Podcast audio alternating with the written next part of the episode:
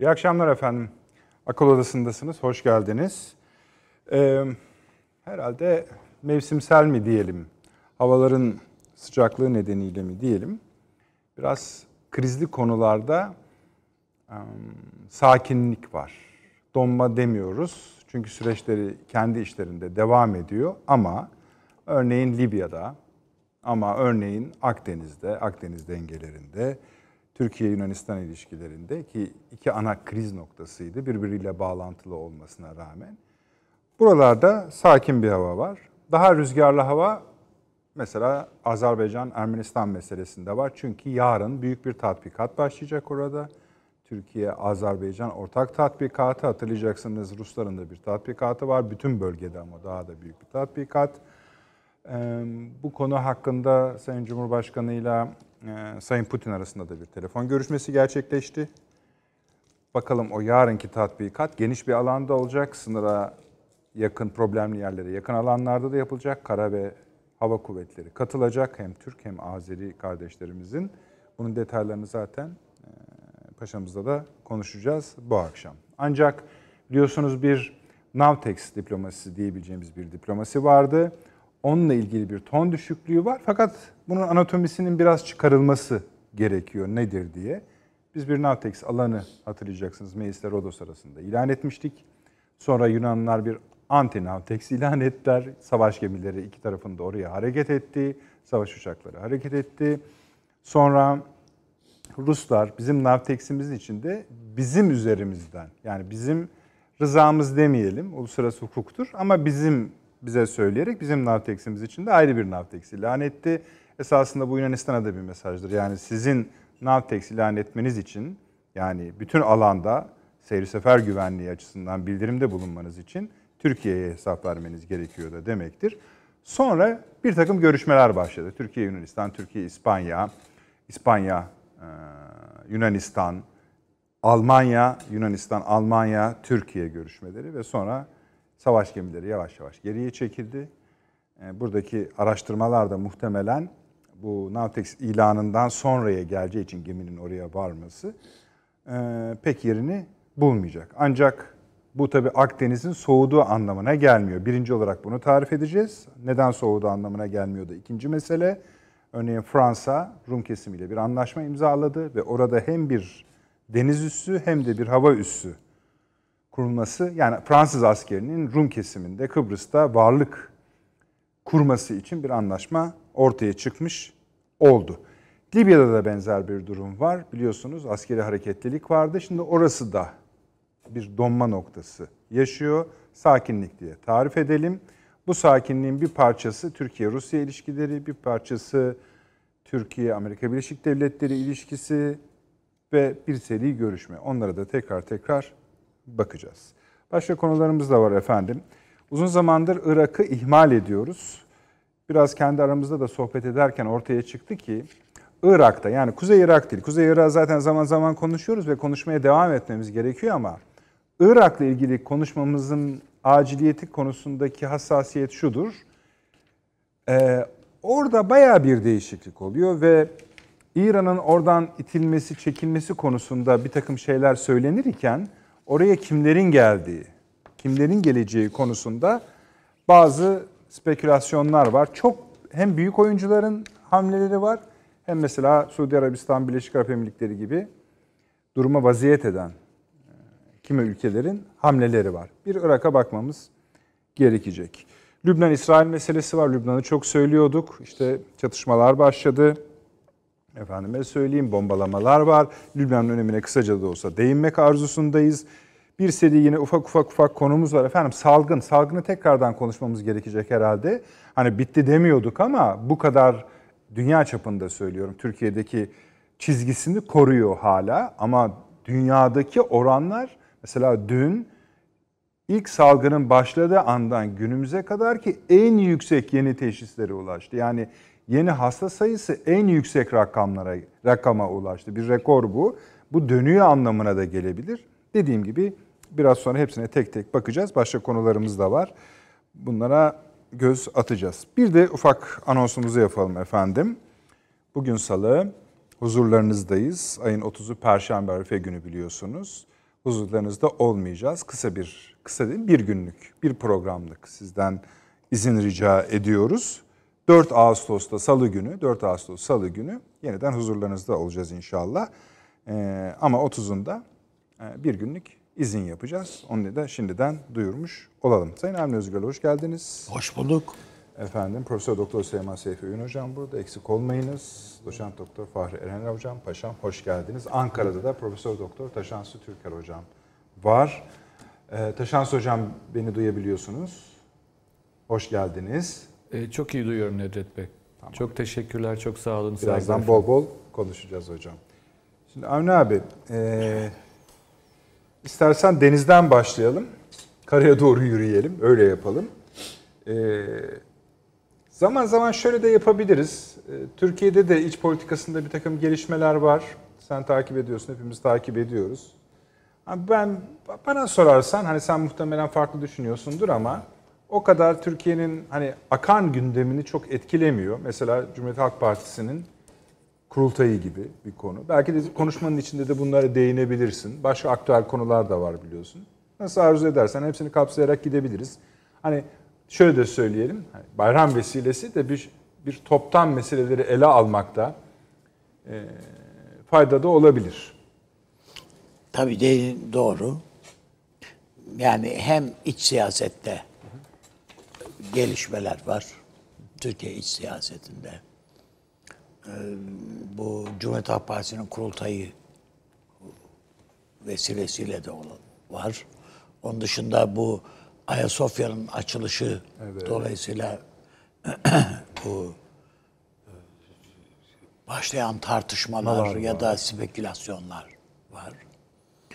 Ee, yani sadece birer cümleyle bir iki cümleyle değişi değineyim. Çünkü yani bir CHP kurultayı dersek burada şar diye dökmemiz lazım programın sonuna kadar onu götürmek. Kendi, kendileri toparlayamıyorlar, biz işte yani, toparlayamayız. Evet, mümkün, mümkün.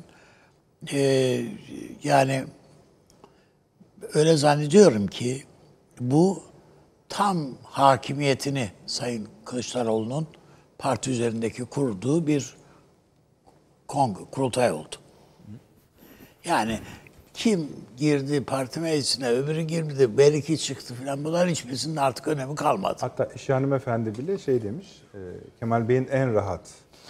Ha, rahatlığı ayrı. Ha, ra- bir kazan... de şöyle, Hı. tam hakimiyet Hı. tesis etti. Yani şu saatten sonra Kemal Bey şu dese, bu şu işaret ettiği kişi en tanımadıkları, bilmedikleri ve biraz ters gelen, aykırı, şu bu kim olursa olsun artık varız diyecekler. Burada ben e, Kemal Bey'e geç, yakın geçmişte, geçen sene e, çok ağır eleştiriler de yönetmiş bir takım isimler var.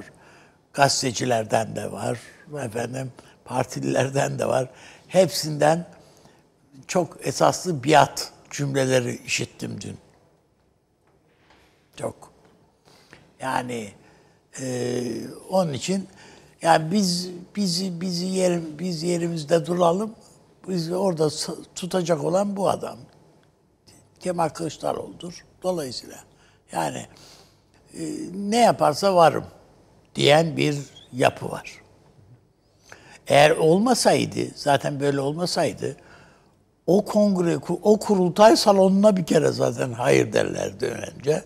Çünkü halk yok, delege yok. Yani delege var. Ee, başka da kimse yok. Hatta onur kurulu üyeleri bile kavga dövüş içeri girebilmişler. Ha, Cumhurbaşkanı adayları en son sırada yer bulabildi kendi. Ha gibi.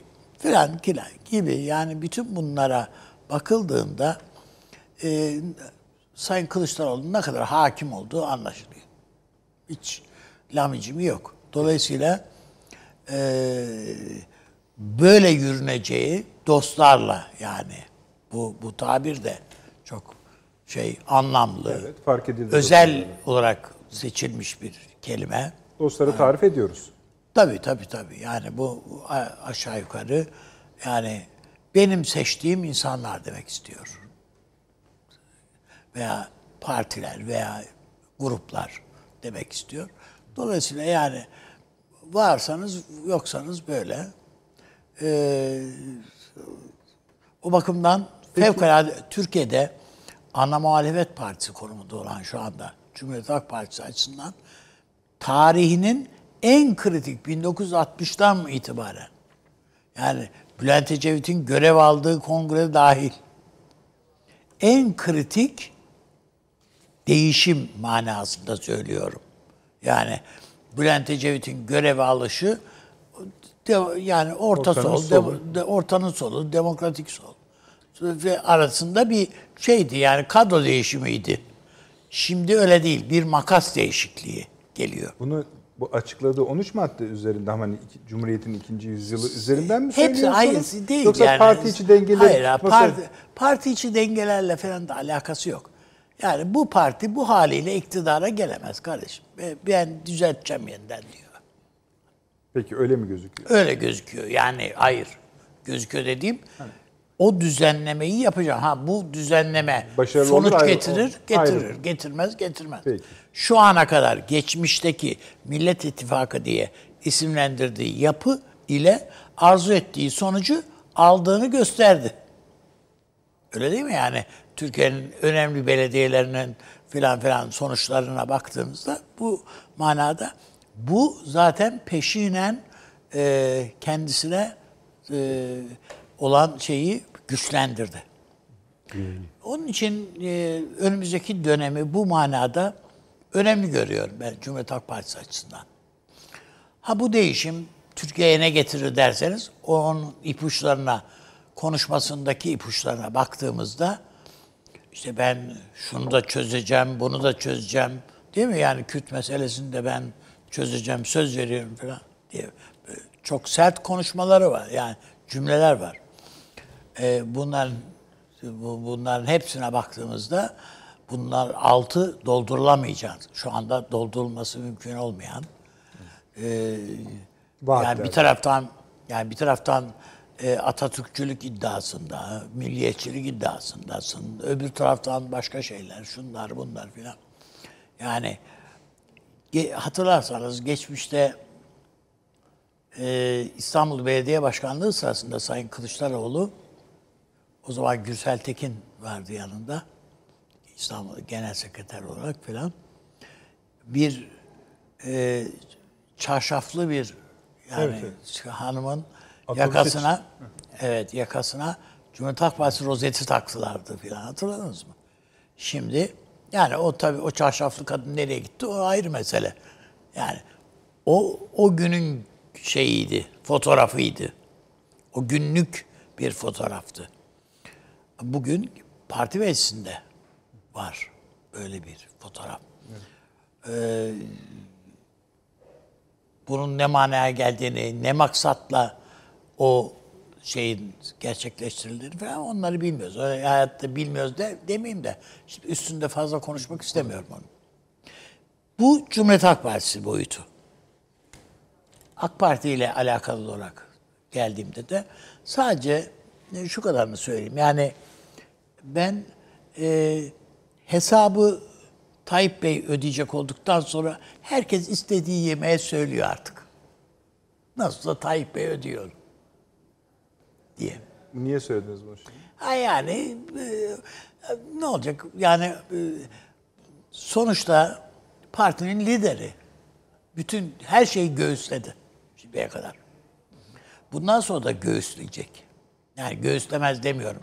Bir de hem vefa duygusu var hem de sahiplenme duygusu var Tayyip Bey'in. Yani yakın çevresinin ve hatta bi- birlikte hareket ettiği insanların hatalarını bile sahiplenen bir liderden söz ediyoruz. Ha, anlaşıldı. Tamam. Anlatabiliyor muyum? Anladım. Ben hani filanca hata yaptı da şimdi sahipleniyor anlamında söylüyorum. Ama bunu verdiği bir rehavet veyahut da cesaret var.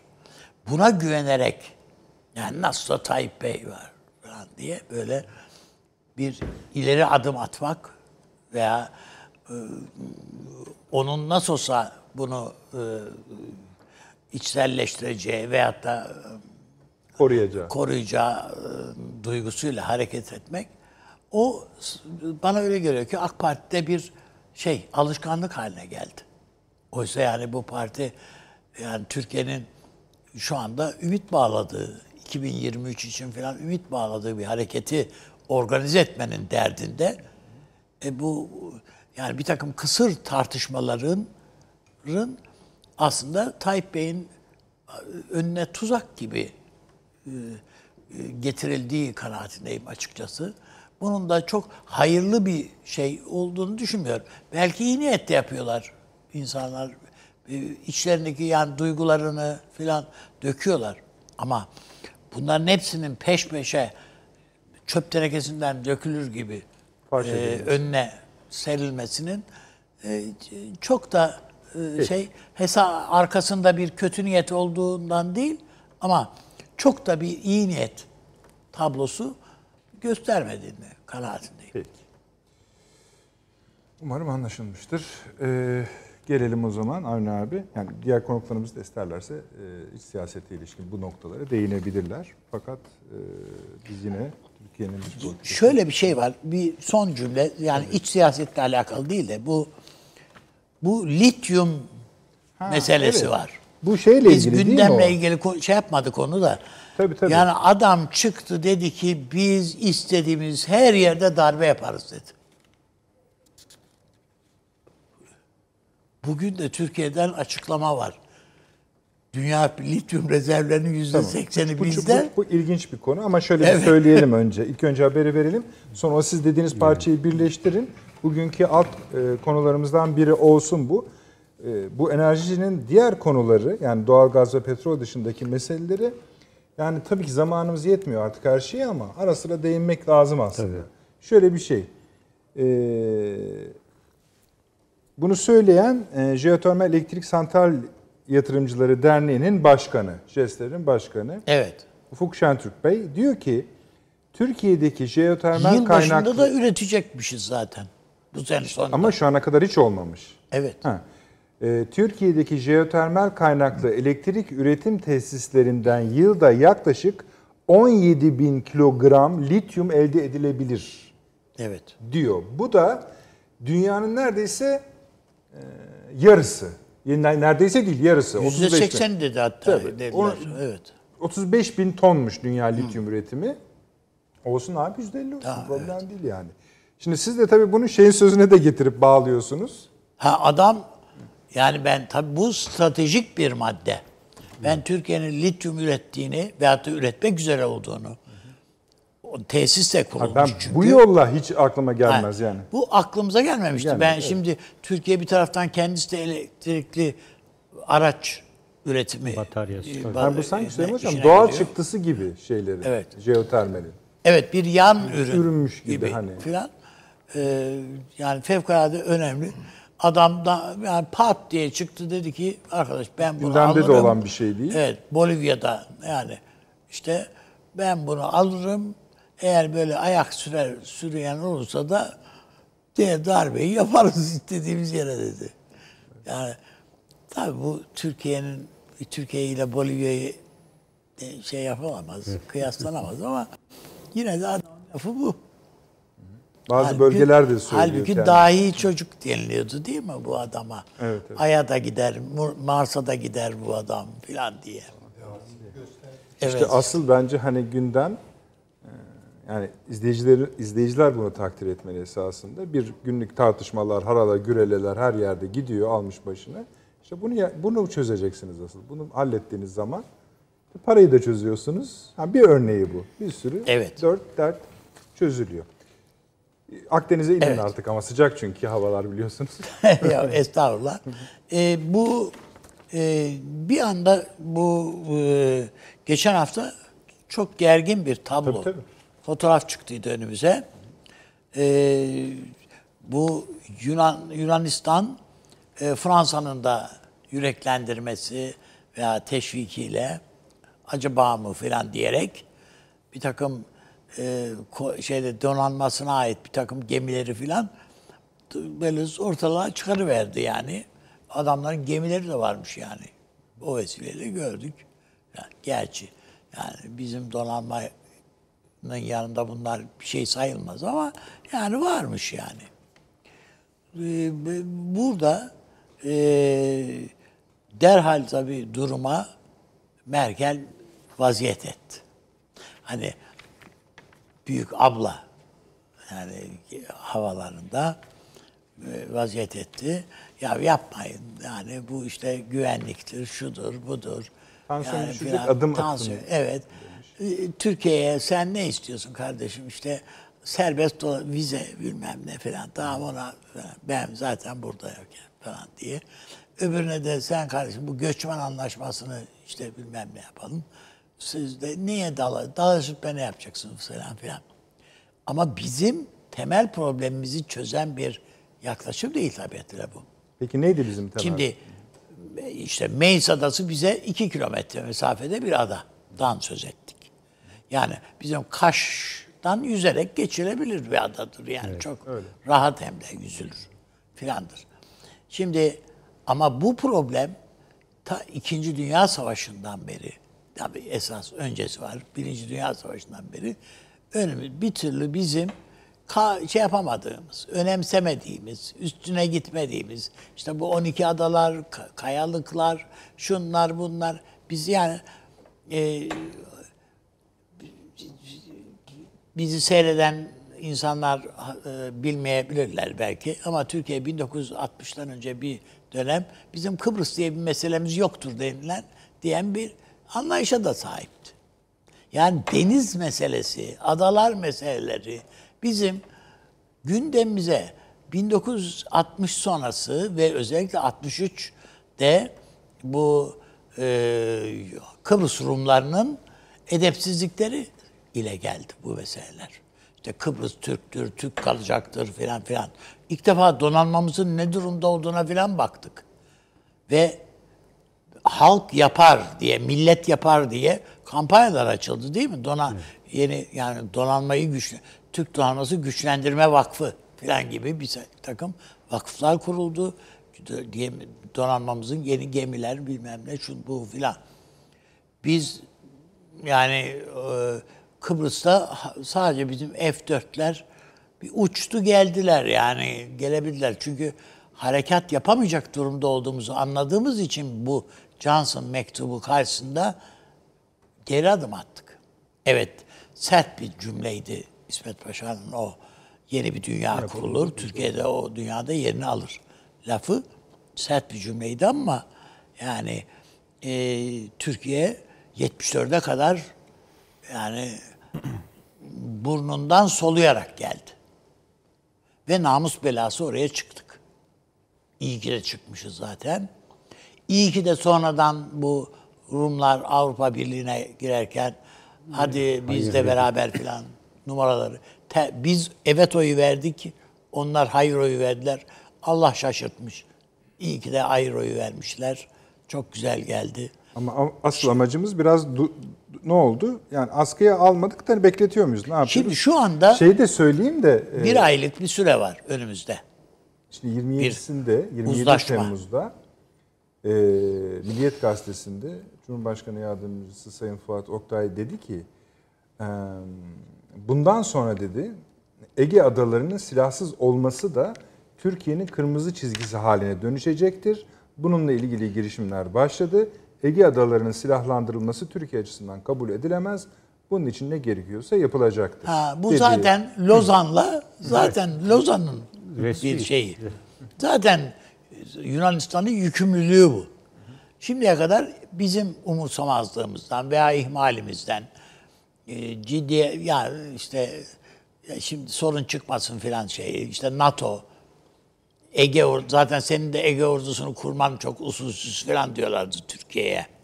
Yani Na- NATO'ya dahil olmayan bir ordu kurduk falan yani bizde böyle şey gibi. Neyse yani bu, bu, bu ama Yunanistan'ın asla göz yummamamız, yummamamız gereken bir şey. Çıkışı Ada- adaların. adaların silahlandırılması. Bu adaların da hiçbir silahlandırmak değil, askerden arındırılması lazım. Sadece silah değil yani. Şimdi bu tansiyonun düşmesi hali Mümkün değil. Yunanistan çekmez o askerleri, o silahları oradan. Yani Ya, ya, yani Türkiye'nin mutlaka Yunanistan masaya oturur mu? Hayır kardeşim bu konuda masaya da otur. Sayın Cumhurbaşkanı bir açıklama yaptı. Sayın İbrahim Kalın bir açıklama yaptı. Bakın bu işleri zorlarız biz. Müzakere şeylerine oturun dedi. Sonra Yunanistan'dan da fena mesajlar gelmedi gibi. Kardeşim şimdi masaya oturalım demek Yunanistan'ın her zamanki taktiği. Masaya oturalım birinci cümle şu. Abine veriyorsun. Bu İşte ama o artık hani Ama abine ne vereyim yani hayır. Yani sen sana abi muamelesi yapıyor ve ne veriyorsun diyerek başlıyor adam cümleye. Alma, vermeye alışmamış. Devamlı almaya alışmış. Sadece bize karşı değil, Avrupa'ya karşı da öyle. Şöyle bir şey söyleyeyim. Ee, Avrupa Birliği'ne girdiklerinde Avrupa Birliği'nin fonları var biliyorsunuz. Yunanistan'ın tabi bu siesta e, şeyine, Politikası nedeniyle politik e, anlayışına pa- para veremiyorlar Avrupa Birliği'nden. Yani ara orada barlar, eğlence yerlerine falan para veremiyorlar. Ama diyorlar ki ya orman ürünlerine para veririz. Ormancılığa para veririz. Aa iyi. Bunlar maket araçlar yaptırdılar. Ya inanılmaz yani. Tiyatro gibi bir şey bu. Maket. Bildiğiniz maket. Şeyden böyle kontrplaktan ağaçlar yaptırdılar. Ee, ve bir bölgeye gidip diyelim ki 4000 tane ağaç diktiler. Kontrplak diktiler. Yani maket diktiler. Maket diktiler. Avrupa Birliği'nden gelenleri de tepeden re- şeyle helikopterle gösterdiler. Bak işte diktik efendim diye. Falan. Aa bu kadar hem de kısa zamanda bu gelişmiş çok güzel bir şey. Ne, ne kadar işte şu kadar milyon euro. Peki tamam. Bir hafta sonra o ağaçları oradan alıp başka bir yere taşıdılar. Buraya da diktik. Bu, bu, bu- yani bir, anda bir şey verimlilik şeyi oldu. Çığ gibi büyüyor diye. Bunu e, fark ettiklerinde fa- fa- fark edildi bu fark edilmedi Tabii değil. yol, bir de yol hikayeleri paralar- var meşhur. Tabii her şeyi yaptılar. Ya bir devlet Merkez Bankası'nın rakamlarını değiştirir mi ya? Peki. Yani, Yani fark edilmez. yapmak Avru- için aldıkları Avrupa- evet. parayı bir kredi devlet kurumunu sahte Sahtekar. olarak evet, tabii tabii tabii. sahtece aynen. kurup sonra Sahte- ortadan kaldırdı. Sahtekarlık. Öyle bir kurum yok. Aynen. Öyle, Birliği. öyle bir şey yok. Bir de Merkez Bankası'nın rakamlarını, bütün tabloları değiştirdiler. Onun için e, Yunanistan Merkez Bankası'na müfettişler geldi Almanya'dan. Ya nereleri yapmışlar bunlar, nasıl değiştirmişler diye. Sonradan mesela şey banka onların biz oralarda da bankamatikler var. 50 eurodan fazla para çekmek yasak. Filan dediler. Yunan halkı ayaklanıyordu yani. Peki. Çünkü hiçbir barda 50 euroya bir- bir, bir şey yiyip içemiyorsun akşamları. Filan. Yani bütün bunlar ve şu anda da şu anda da Yunanistan aynı ayak oyunlarını bize nasıl yapıyorsa başkalarına da Avrupalılara da yapıyor. Şimdi ama tabii Merkel bunları bu numaraları yutmaz, yani. Yutmaz. Yutmaz ama bize de dayatır. Peki abi. Devam edelim yine parça parça. Bu akşam biraz böyle hem zikzaklı hem hızlı gidelim parçalar ufak. Taşansı hocam e, siz de devam edelim müsaade ederseniz. Sadece bu e, Estağfurullah buyurun. Navtex meselesi, e, Tür- Türkiye-Yunanistan ilişkisi yani gerilimi artı bu Fransa'nın Kıbrıs'taki vaziyeti size de şöyle bir pas açayım müsaade ederseniz. Bugün e, saat 15.45 civarında e, Yunanistan Dışişleri Bakanı bir açıklama yaptı. Dedi ki Türkiye ile tek sorunumuz kıta sahanlığı ve deniz yetki e, alanlarının belirlenmesidir. Bunun dışında öyle ahım bir sorunumuz yok. Baskı ve tehdit olmadan Türkiye ile diyaloğa hazırız dedi. Şimdi buraya kadar konuştuklarımızın üzerine gelen bir şey bu. Cümle bu. Siz nasıl değerlendiriyorsunuz durumu? Ee, ya valla şöyle şimdi bu e, geçen hafta Perşembe günü biraz bahsetme imkanı bulmuştum. Bu Tabii, Balkan milliyetçilikleri çok netameli milliyetçiliklerdir. Yani bunlarla hani hakikaten e, bizim o bildiğimiz e, işte insanlığın, hümanizmanın, erdemin taşıyan e, milliyetçilikler ve bunların örnekleri olarak bakmamak lazım. Anakroniktir, agresiftir. Ondan sonra bir sistem inşa etme kapasitesine haiz değildir. Dolayısıyla devletleri de Balkanlara baktığımızda sıkıntılı olmuştur. Ya bu 19. yüzyıldan bugüne kadar gelen sıkıntılardır ve hani gerçekten diplomasi, dış ilişkiler bu coğrafyada zordur. Şöyle söyleyeyim hani Balkan kavramı biliyorsunuz pejoratiftir yani böyle olumlu bir kavram olarak kullanılmaz. Sadece Türkçe'de ve Arnavutça'da nötrdür. Onun dışında tüm ulus dillerinde Balkan hoş bir şey değildir. Zira sorunları bilinir yani. Şimdi Yunanistan-Türkiye ilişkilerine baktığınızda da yani evet Yunanistan devleti kuruldu 1821'de ne ala hayırlı uğurlu olsun vesaire ancak öyle devlet kurmak çok da kolay olmuyor demek. Yani işte biraz önce Avni Bey'in üstadın söylediği şeyler karton plaktan ağaçlar vesaire bana şeyi hatırlattı. Patyomkin fasadı denir. Bu ikinci Katerina da e, Kırım'ı ilhak ettikten sonra komutanı Patyomkin'e burayı imar et diyor. Ama işte bir ay süren var. O da kent kuruyor ama sadece kartondan bir kent. E, at arabasıyla Katerina içinden geçiyor. O yüzden Patyomkin fasadı denir böyle şeylere yani yalan dolan işler. E, Balkanlarda yaygındır sadece Yunanistan'da değil. Şimdi burada e, Türkiye her zaman bir büyük abilik rolü oynamıştır. Ee, o kaçınılmazdır çünkü hani bir devlet geleneği vardır, olgunluğu vardır. Ee, bir de e, bu bölgedeki imparatorluk coğrafyasının merkezidir burası.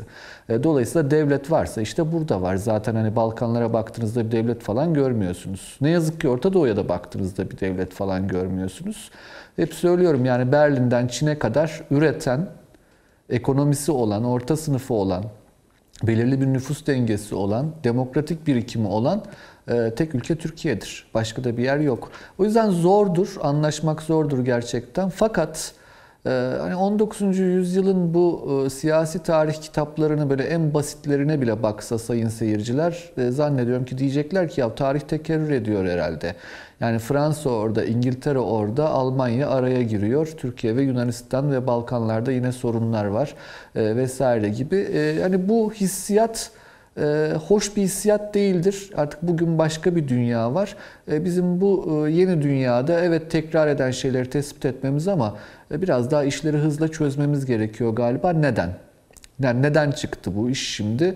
E, biraz önce Avni Bey de söyledi. Yani 1900 bu e, yani 2. Dünya Harbi'nden beri devam eden sorunlar bunlar Yunanistan'da. Yani adaların silahsızlandırılması sorunu vesaire. Bizim Batı Trakya Türklerinin sorunları mesela e, Sayın Yunanistan Dışişleri Bakanı başka sorunumuz yok demiş de öyle değil. Vallahi bizim sorunumuz var. Mesela Batı Trakya Türklerinin hakları sorunu var.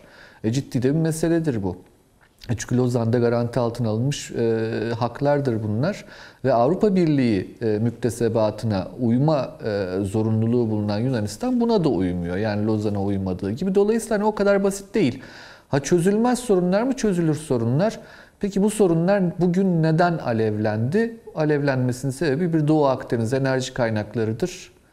Ee, çok çok önemlidir. Çünkü e, deniz yetki alanlarının belirlenmesi hususunda kıyıdaş ülkeleri zorlamaktadır e, bu enerji kaynaklarının bulunması. Bir diğer husus ise Ege'ye dair husus ise zannediyorum ki fırhatları ile ilgili bir sorundur.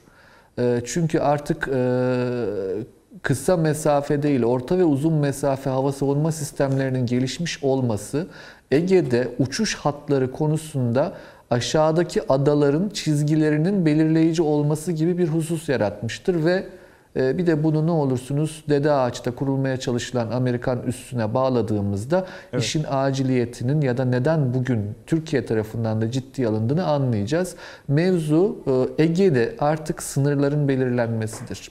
Şimdi o bunu yaparken de yani e, bizim Türkiye'de bazı şeyler biraz abartılabiliyor. E, yani işte Atina'ya kadar gidelim diyenler de var. Bunlar da gerçekçi değil. Biraz gerçekçi olmak lazım. E, geçen program söyleme şansı buldum. Çok çok hani bizim Dışişleri Bakanlığı'nın gerçekten çok övündüğümüz, Türkler olarak övünmemiz gereken bir birimidir bu. E, yani Ege'ye bakan, Kıbrıs'a bakan dairesi. E, çok iyi uzmanlarımız vardır. Emin olun diplomasi masasında canını okurlar Yunanlıların bu konuda. Ondan sonra da bizimkiler birazcık gülümserler. Gülümsemeyi unutmamak lazım. Çünkü haklı olduğunuzu biliyorsanız sadece Türk-Yunan ilişkisi değildir çünkü buradaki diplomatik mevzu. Diğer unsurlara da, diğer aktörlere de büyüklüğü göstermek, o özgüveni göstermek önemli. Taşansı Türkiye de hocam. bunu hep yaptı. Çözülebilir sorunlar mıdır? Ee, Evet çözülebilir. Bakın e, şunu çok önemsiyorum. Ee, Arka arkaya iki gün hem Sayın Cumhurbaşkanı'ndan hem Sayın Cumhurbaşkanı Sözcüsü'nden bu sorunların çözümü konusunda e, gayet iyimser ve yapıcı yorumlar geliyor. Bu- Bunu çok önemsemek gerekir. Yani Türkiye belirli bir gücü olduğunu gösteriyor. Ancak bu gücünün yanında yani e, kapasitesini gösterdikten sonra çözüm yeri olarak da masayı gösteriyor. E, burada asıl olan e, bir şey gerçekle yüzleşmemiz lazım. Orada Avni Bey Üstad'a gerçekten hani çok o e, öz bir şekilde anlattı. Hani Yunanlılarla masada zordur bu iş katılırım. E, ama işte onların da e, lafını dinlemekten kaçınamayacakları başka aktörlerin Türkiye tarafından ikna edilmesi gerekir. Bu birazcık kuş- kuşatıcı diplomasi gerektiren bir sorundur. Yani bu Almanya ile iyi- bir şekilde bu sorunu konuşmayı gerektirir. Amerika ile bir şekilde bu sorunu konuşmayı gerektirir. E, ve Akdeniz'in, Doğu Akdeniz'in diğer unsurlarıyla da. Peki. Ben Taşan- bir şey söylediniz galiba. Tabii şu kadar. Bu Fransa'yı da bir ekleyin hemen. Yani siz nasıl anladınız e, Kıbrıs'taki yeni Ha, e, varlığı? Evet o çok önemli. Lütfen. Tabii o çok önemli. Biraz e, bah- bahsedecektim, e, söyleyip geçtim. E, Şimdi Fransa'nın Doğu Akdeniz'deki varlığı bakın hani sadece hani modelleme yapmak için biraz daha kolay anlaşılmasını sağlamak için bu örnekleri veriyorum 19. asırdaki Doğu Akdeniz mücadelesinden. Hani Napolyon Napolyon da Mısır'a çıktı. Bu- bunun sebebi bellidir. Yani bu İngiliz hattı, ticaret hattıdır o. Ve hani e, Doğu Akdeniz'i tutmak gerçekten önemlidir. Fransa'nın İngiltere ile olan böyle bir mücadelesi var şu an. E, bunu bir şekilde Libya'da yürütüyor. Bu e, İngiltere için kabul edilebilir olabilir. E, ancak BAF yani e, Kıbrıs adasının batı tarafını e, kastediyoruz. BAF'ta kurulacak olan bir deniz ve hava üssü Fransa tarafından bu artık çok başka bir aşamadır. E, ne Almanya'nın ne de İngiltere'nin bu konuda çok heveskar olacakları kanaatinde değilim ben. Tabii öyle Ee, ama Taşansı hocam metinde e, baf kelimesi var. geçiyor yani. E, Valla ben öyle gördüm. Yani BAF'ta e, kurulacak bir üst diye gördüm. E, evet. E, yani şimdi orada büyük ihtimalle bir Fransız-Rus yakınlaşması var Doğu, Avrupa, Doğu Akdeniz'e dair. E, ve Almanya'yı bir şekilde ekarte edip ya da e, yani kendi tarafında tutmak değil ama en azından bu işe karışmama konusunda ikna etmeye çalışıyor Fransa. E, ve bir şekilde e, Amerika ile de bu işleri yürütmeye çalışıyor ve Biden'a oynuyor gibi geliyor bana. Yani e, şimdiden bu işleri bir yapalım da nasıl olsa hani buradan öyle ya da böyle bir vakum var gibi bir hesabı var herhalde Fransa'nın. E, yani bu e, artık gerçekten hani e, dediğim gibi sadece bir modelleme ve anlaşılmasını sağlamak için söylüyorum bunu. Hani mesela bizim Fahir Armaoğlu hocanın e, 19. yüzyıl siyasi tarihi kitabına şöyle bir Doğu Akdeniz, Mısır, e, işte Suriye, Irak, Maşrık bölgesi. E, Buradaki gelişmelere bir bakılacak olursa ülkelerin pozisyonlarını o çünkü çok böyle e, lisans talebesine anlatmak için yazdığı için çok güzel e, teatral bir şekilde sahnelerde Vallahi ülkelerin pozisyonları çok da fazla değişmiyor. E, Çünkü Akdeniz değişmiyor. e, Coğrafya kolay Peki hocam değişmiyor. devam edeceğiz. E, Ve bu paternler de kolay değişmiyor. Devam edeceğiz. Teşekkür ediyorum Süleyman hocam. Evet.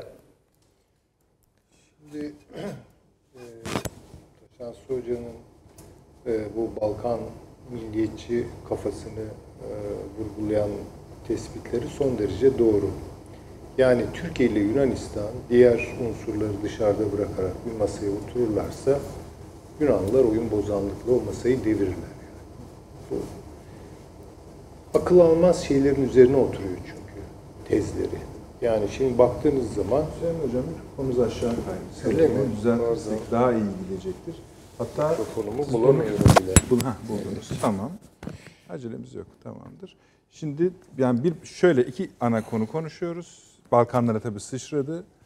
Ee, Bir Türkiye Yunanistan ve bu iki hareketin yani bizim hem Navtex ilan etmemiz hem silahlı kuvvetlerin donanmanın oraya çıkması, Yunanistan'ın buna o şekilde karşılık vermesi, sonra Fransa olayı, sonra Rusya ile bizim konuşmamız sair sair ve şu andaki donma halini konuşuyoruz esasında. Bunun ucuna da Fransa'yı bağlıyoruz. Tabii tabii. Ucuna değil, bayağı bir yere bağlıyoruz Yani ben esasında. şimdi diğer faktörleri bir an için ihmal ederek konuşuyorum. Tabii, tabii, anlıyorum. Hakikaten bu da hazin bir şey. Yani çünkü bu coğrafyada dışarıdan gelen unsurların at oynatmasını engelleyecek olan şey gene bu coğrafyadan çıkacak bir akıldır. Yani bu coğrafyanın gerçek sakinlerinin duruma vaziyet etmeleridir. Yani Türklerle Yunanlıların kafa kafaya vermeleridir. Ama Yunanlılar oyunu bozuyor. Yani bu Severler şeyleri. seviyorlar.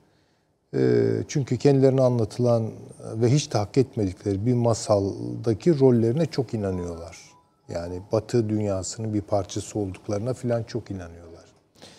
Şimdi bu adalar, 12 ada, bu adamların nahak yere sahip oldukları yani Greek Islands diye adlandırılıyor. Yunan adaları falan değil aslında bunlar. Tanımı bu değildir yani. Vahşedilmiştir bunlara, verilmiştir. Yani Yunanistan'ı var eden şeyler, bugünkü Yunanistan'ı var eden şeyler hep Yunanistan'ın sepetine konulmuş şeylerdir. Yunanlılar bunun için çok fazla bir bedel ödemediler yani. Söyleyelim. Ee, ve o 12 ada Türkiye'den her şekilde Türkiye'deki daha doğrusu Anadolu kıtasından koptuğu ve ayrıştığı parçalar olarak yani herkesin gözünün önündeyken yani Midilli'yi biraz yukarıya doğru çekin yapışır değil mi yani o Edremit Körfezi'ne falan. Oturur yani. yapışma- Oturur yani bu şey gibi Lego gibi yani yap boz gibi düşünsek bile. Fakat buralarda bir de yani bununla yetinmiyorlar. Yani bu adaları bir hani barış e, coğrafyası haline getirmemek için ellerinden geleni yapıyorlar. Silahlandırıyorlar. Yok işte kıta sahanlığımızı şu kadar uzatırız. Yok hava sahamızı şöyle yaparız böyle yaparız. Akıl şeyler bunlar yani. Bunlar bu kafada gittiği sürece zaten bunların anlaşmak falan mümkün değil. Dışarıdan gelen unsurların dahil olduğu anlaşmaların da çok e, uzun ömürlü olacağını ve buraya yakışacağını zannetmiyorum. Yani burada da gene çok sıkıntılar var. Yani niye Fransa buradadır? Niye İngiltere buradadır? Niye bilmem Almanya burnunu sokmaya, niye Amerika buradadır? E çünkü biraz buralar onların burada olmasına müsait hale getirilmiştir de o yüzden. Yani bu başka bir irade gerektiriyor. Onu söyleyeyim. Yani Türkiye ile Yunanistan'ın bu bakımdan anlaşması ve Ege'yi bir barış denizi haline getirmelerini çok uzak bir ihtimal olarak görüyorum. Peki Allah korusun savaş çıkar mı? Bu kanaatte de değilim. Yani Yunanlıların böyle kalkıp Türkiye'ye karşı yok işte Navtex ilan ettik sen gelirsen ben de gelirim falan. Yani bunlar hani programdan evvel konuşuyorduk işte Türkçe bir söz var. Ee, ısıracaksan bunu belli etmem yani. Öyledir bu işler. Bu kadar havlayarak falan olmaz o iş. Ama ne olur? Sorunlar Sizde devam eder. in- intiba var mı? Türkiye bu meseleyi sürüklemeyi de yani üzerine gitmeyi devam edecek. Ee, Türkiye Türkiye buna mecbur zaten. Çünkü aksi durumda Türkiye mutlak manada kaybediyor. Yani Doğu Akdeniz'de de kaybediyor. Yani yüzme Evet, Ege'de bir, de kaybediyor. dediniz mavi vatan. Ama ayrı bir fasıl olarak, chapter olarak mesela şimdi de bu adaları silahsızlandıracaksın kardeşim mi dayatmakta. E ama şimdi şu yani eskiden çok daha pısırık bir dış siyaset izliyorduk herhalde. Yani herkes biliyordu adaların silahlandırıldığını. Şikayet ediyorduk ama bunu bir yere taşımıyorduk. Şimdi bu konuda bir irade gösteriyor Türkiye. Zaten hakkı olan yani Lozan'da e, kuralları konmuş olan bir şeyin hayata geçmesini isteyecek. Bundan da daha tabii bir şey yok ve bunu zaten diplomatik yollarla yapmayı e, planlıyor Türkiye. Yani bir diplomatik atak başlatıyor bunun için. Burada bir tehdit yok, savaş riski vesaire gibi bir şey yok. Madem sen bunun altına imza koydun o halde gel bakalım hadi takibini yapalım diyor. Ee, İşte Batı Trakya'da büyük sorunlar var. Bunları Türkiye'nin biraz daha bence bundan sonra daha fazla gündeme taşıyacağını düşünüyorum ben. Ee, Bu, bu sorunlu alanın da e, e, tartışılacağını düşünüyorum. Yani bu mücadele, bu gerilim, bu iş bitmeyecek yani. Bu burada devam edecek ve bundan sonra burada her ne oluyorsa bu gerilimlerin üzerine döşeyecek yani. Hocam şey vardır ya mesela bir çok çocuklu bir ailede çocuklardan bir tanesi bütün yani kan kusturur kardeşlerine. Bu annesi babası yokken filan filan kan kusturur. Ama en çok ağlayan da odur. Mağdur rolü oynayan. Ha işte onun gibi Gibi. yani evet. Böyle. evet maalesef Bu öyle. Yani üzüntü verici bir şey. Çünkü hep söylüyorum ben bunu vurguluyorum. Yani Balkanların e, ve Anadolu'nun mukadderatı barış üzerine kurulursa, mukadderat birliği sağlanırsa bu çok güzel bir sonuç verir. Nefis bir sonuç verir. Fransa'yı Ama bunu ha, sonuna. Fransa'yı ekleyelim. Yani ya. Taşan Hoca konuşurken İngiltere bahsini, İngiltere ve Almanya'yı açtığımda Çok doğru. Ha. Ben e, meslektaşımın e, kıymetli değerlendirmelerine tamamen katılıyorum. Yani hakikaten tarih tekerrür eder mi? Yani Bu bunu kadar olur artık yani hayır etmez tabii. Ama tarihte de süreklilikler var. Yani böyle tarih makası getirip kesip attığınız zaman geride bırakabileceğiniz bir şey değil. Bunun birikimi var. Bunun içinde belli süreklilikler var. Yani başkalaşarak tekrarlıyor kendini. Tıpkısının aynısıyla tekrarlamıyor tabii ama başkalaşarak. Bir süre böyle sanki aa burada işte evet Birinci Dünya Savaşı bitti, Sykes-Picot işte anlaşması, devletler kuruldu vesaire. Bakıyorsunuz gene Fransa burnunu sokuyor. İtalya gidiyor ama aa eni de buradaymış diye veriyoruz. Değil mi yani? İtalya da e, kendini hissettiriyor. Rusya sıcak denizler meselesi gene burada. Yani yeni olan ne var? Birinci Dünya Savaşı'ndan sonra Amerika'nın varlığı var. Onu da biraz North Atlantik ittifakı olarak düşünüyorum. Yani Doğu Akdeniz'de şöyle bir tablo var bence. Avrupa, kıta Avrupası ya da bugünkü adıyla Avrupa Birliği diyelim. İngiltere'siz haliyle konuşuyorum. Doğu Akdeniz'de varlık göstermek istiyor. Buna şiddetle itiraz edecek olan yani değerli meslektaşımın o şeyine tamamen katılıyorum Taşan Hoca'nın. Buna dehşetli bir şekilde tepki koyacak olan North Atlantik'tir. İstemezler yani. Yar etmezler yani. Almanya'ya da Fransa'ya da buraları yar etmezler. Bunu istemezler. Dolayısıyla yani burada şimdi Güney Kıbrıs böyle her yere oynuyor. Nereden destek bulabilirse oraya elini uzatıyor. bir de Ama- şöyle söyleyeyim hocam. Acaba Fransa'nın Kıbrıs'ta e, hava veya hava ve veya kara üssü kurmasının kendisine bir faydası olacak mı toplamda? Hayır bu şöyle yani İngiltere onun hesabını yapıyordur.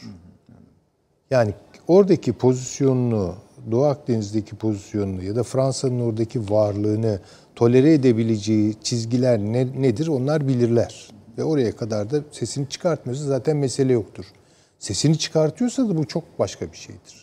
Yani Sesini çıkarmıyorsa yokmuş gibidir üst diyorsunuz esas. yani evet yani çok da ciddiye alınacak bir şey yok demektir. Ben tabii içeriğini, donanımını falan bilemeyeceğim ama yani bu hesap ortada. Ee, doğru söyledi e, meslektaşım. Ee, Mısır'ı işgali meselesi. Napolyon, Napolyon'un oradan başlıyor işte. Bak Birinci Dünya Savaşı'nı ittifak ediyorlar değil mi bunlar? Müttefik oluyorlar Fransa ve İngiltere. Ve bir sürü şey söylüyor İngiltere. Sana şurayı da veririz, burayı da veririz falan. Ondan sonra çırak çıkarmak derler ya. Fransa'yı çırak çıkarıyor. Fransa kös kös gidiyor. İtalya beni ne bu işlere bulaştırdınız deyip kös kös gidiyor. Yani burada çok varlık gösteremiyorlar. Batı Akdeniz'de olduğu kadar Fransa cevval değil buralarda yani. Hocam evet. Kendi kendi topraklarında bile cevval değil. Yani, Evet, A- yani- Alman işgalini Maginot hattıyla önleyeceğini zannetti. Etti ama Bu olmadı hattın tabii. arkasını dolanacağını hiç kimse Kü- gör, evet. öngörmemiş. Kültürel bir takım izler bırakabilir. Belli kadrolar üzerinde, zihniyetler, yönetici kadrolar üzerinde mimarisinden bir şeyler bırakabilir falan ama bu kontrol etmek manasında Fransa'nın buralarda bir şansı olduğunu ben zannetmiyorum. Almanya'nın da bir şansı yoktur buralarda. Yani dolayısıyla ben bunu çok e, önemsiyorum. Biraz da Macron'un nafile çabaları olarak görüyorum. Yani Macron ifadesi. Evet yani Macron bugün Rusya ile iş tut- tutmaya çalışıyor. Çok doğru bir tespit tamamen katılıyorum. Avrupa Birliği ile Rusya arasındaki ilişkilerin sevk ve idaresi Macron'da yani Fransa-Rusya ilişkilerinde bunu ısrarla sürdürüyorlar. Fakat Rusya'nın da aynı zamanda Türkiye ile beraber iş yapma arzusu var. şimdi Libya'ya Libya üzerinden bağlayalım isteyeceğim. Tabii, tabii. zaman- Müsaade ederseniz o parçada konuşalım. Tamam, öyle yapalım. Öyle yapalım çünkü o zaman harita yerine oturacak. Ama şunu söylediğiniz iyi oldu. Hani e, Fransa ile Kı- Kıbrıs Rum kesim arasındaki anlaşma ne? Yani biz bir üs e, bir Fransız varlığının orada konuşlanacağı üzerinden gidiyoruz ama aslında biraz daha detaylı. Hepsini okumayacağım ama 3 madde var. Şöyle akıyor. E, Mari'deki Evangelos Florikis deniz üssü yeniden inşa edilecek. E, ayrıca Rumlar ve Fransızlar askeri hava trafik kontrol merkezini modernize edecekler. E, BAFTA son maddesi bu. BAFTA Andreas Papandreou askeri hava üssünü Fransızlar yeniden modernize edecek ve kullanıma açılacak. Ee, bir bunun yanlarında da adı geçen konularda alt maddeler var. Şurası şöyle yapılacak, burası böyle yapılacak falan filan gibi. Onlar açılana kadar da paşam e, diğer ihtiyaç yani bulunuşları, konuşlanmaları farklı yerlerde temin edilecek Rum kesimi tarafından. Ama cem ettiğinizde sonuçta adamlar oraya gelmiş oluyorlar. Tabii sınırlarını ve siyasi boyutunu işte Süleyman Hocam'ın dediği çerçevede izleyebiliriz. Buyurunuz. Ee, Dede Ağaç'a değindi ya Taşansu Bey. O Dede Ağaç'ı da katarak çünkü askeri bir yapı o. O- Dede, Dede Ağaç uzun süre konuşulan bir konuydu. Yani Dede Ağaç'ın e, Yunanistan açısından iki önemi var. Dede Ağaç'ın bulunduğu yer Yunanistan'ın Türkiye'ye karşı konumlandırdığı eski ismiyle De Ordusu olan, şu anda ismi değişmiş olabilir, e, en güçlü kol ordusunun bulunduğu bölgedir. Bu kol ordunun konulmasının en büyük nedeni Türkiye'den bekledikleri Meriç üzerinden gelecek bir saldırıyı e, Atina ve benzer istikametlere girmeden etkisiz hale getirmektir. Dolayısıyla Dede Ağaç'a burayı Yunanistan'ın e, Amerika Birleşik Devletleri'ni uzun süre Dede Ağaç konusunda ikna etmeye çalışıyordu. Buraya üst kurulması konusunda. Bunlardan birincisi e, Türkiye'nin olası bir saldırısına karşı Dede Ağaç bölgesinde Amerikalıların yer almasıyla Türkiye'ye karşı caydırıcılık sağlamak. İkincisi yine... Sınırımıza da çok yakın değil mi? Evet çok yakın. Ve Dede Ağaç'ta da Yunanlıların da bir takım birlikleri var. Ee, ve Dede Ağaç'ın önemi burada. İkincisi Amerikalılar açısından e, özellikle Montreux'ün getirdiği bir takım kısıtlamalar nedeniyle Karadeniz'e çıkışta zaman zaman en son Gürcistan'da da gördük bir takım zorluklar yaşıyorlardı. Bunun yerine karadan ve veya helikopterlerle Bulgaristan ve Romanya'ya ki e, şu anda e, Amerika Birleşik Devletleri için 3 ülke e, Rusya'ya karşı yığınaklanmada önem taşıyor. Yani Polonya birinci sırada, ikinci sırada Bulgaristan ve üçüncü sırada Romanya şeklinde sayabiliriz. Dolayısıyla Dede Ağaç'ın önemi hem e, Akdeniz'e doğru inecek olan Rus donanmasının ileride bu deniz üssü de aynı zamanda Dede Ağaç'ta olacaktır. Önünü kesebilmek e, ve aynı zamanda da e, Karadeniz'de e, Romanya ve Bulgaristan'a e, gerekli ihtiyaç hasıl olduğunda çünkü savaş zamanında Montreux'ün boğazlardan kapatılma e, riski var. E, buna Rusya'da e, taraf olduğu için. E, Dede Ağaç en kısa yoldan e, Bulgaristan'a ve Romanya'ya geçiş imkanı sağlayacaktır. E, bu son derece önemlidir. Nitekim bu arada Bulgaristan'da son e, bir haftadır çıkan olaylara baktığımızda da e, buradaki tamamen Rus etkisini kırmak e, ve e, burada e, yönetime karşı olan ve başbakanın işte yolsuzluk vesaire gibi nedenlerle istifa etmesini sağlayan Cumhurbaşkanı da halkın e, söylemlerini dinleriz demesine rağmen bir türlü sona ermeyen bu hareketin arkasında da Amerika Birleşik Devletleri'nin olduğuna dair e, Bulgaristan basınında yolun iddialar var. Ee, ve bu e, hareketle Amerika Birleşik Devletleri bir yandan Dede Ağacı elde ederken diğer taraftan da Bulgaristan'da da tam anlamıyla Amerika Birleşik Devletleri istikametinde hareket edecek e, bir iktidar değişikliğine e, gitmek istiyor. Çünkü Avrupa Birliği Bulgaristan esasında alırken Avrupa Birliği kriterlerine tam uyum açısından e, incelenmemişti ve sonra da bunu birçok defalar ifade ettiler ve Bulgaristan hala gittiğiniz zaman Avrupa Birliği ile hiç ilgisi olmayan bir ülke konumunda maalesef. Hem milli güç unsurları açısından hem halkın ekonomik yapısı açısından hem de refah seviyesi açısından e, Avrupa Birliği'nin şu anda yeniden değerlendirilse asla ve asla alınmayacak e, bir ülke konumundadır. E, Buraya Amerika Birleşik Devletleri ciddi krediler, e, Avrupa Birliği'nden de ciddi krediler gelerek silahlı kuvvetlerini yeniden yapılandırma, özellikle Rusya'ya karşı Köstence, Romanya'nın Köstence ile e, Bulgaristan'ın e, Burgaz e, limanlarını e, Amerikan gemilerinin en azından barınabileceği alanlar haline getirme şeklinde e, heves e, ve arzusu e, var. E, Bunun dışında e, Ege'de... Hocam şöyle hani geçen hafta konuştuk ya Türkiye belli bir alana girmeyin dedi. İşte Navtex diyorlar ona. O aslında Evet. dediği odur yani. Açıktan geçin diyor. O da 6 milimdir nedir? Evet. Sonra oraya askeri güç yığdı. Sonra Yunanlılar da buna reaksiyon gösterdiler ve o akşam biliyorsunuz konuşurken de Avni Bey dedi ki yani oraya ne için gidiyorsan onu yapacaksın dedi. Tabii. Tamam mı? Şimdi bir tarifimi değiştirmemiz gerekiyor. Yani biz oraya ne için gitmiştik? Yani gidiyorduk ya da ayrıca bu şöyle de olabilir. Yani illa Avni Bey'in hani analizini yaptığı gibi olmayabilir. Nasıl olabilir? Hani siz bir şeyi iteklemek için de askeri güç kullanabilirsiniz. Evet. Yani illa bir tam bir sonuç almaya gerek yoktur. Mazeret yani masaya otursan bakalım bir bakarız orada ya getirmek için de bu tür şeyler yapılabilir. Şimdi niye bu karşılıklı olarak yelkenler suya indirildi ya da indirildi mi? Yok indirildiğini ben düşünmüyorum. Yani Yunanistan'la e, geçmiş sürece baktığımızda yani Rogers planı öncesi sonrası e, Yunanistan'ın NATO'dan çıkması tekrar girmesi baktığım zaman asla ve asla bunların sona ermediğini düşünüyoruz. Ancak ben e, bu e, Rusya çok e, Putin önemli bir açıklama yaptı. Yani şimdi e, daha yeni bir hipersonik füze daha geliştiriyorlar.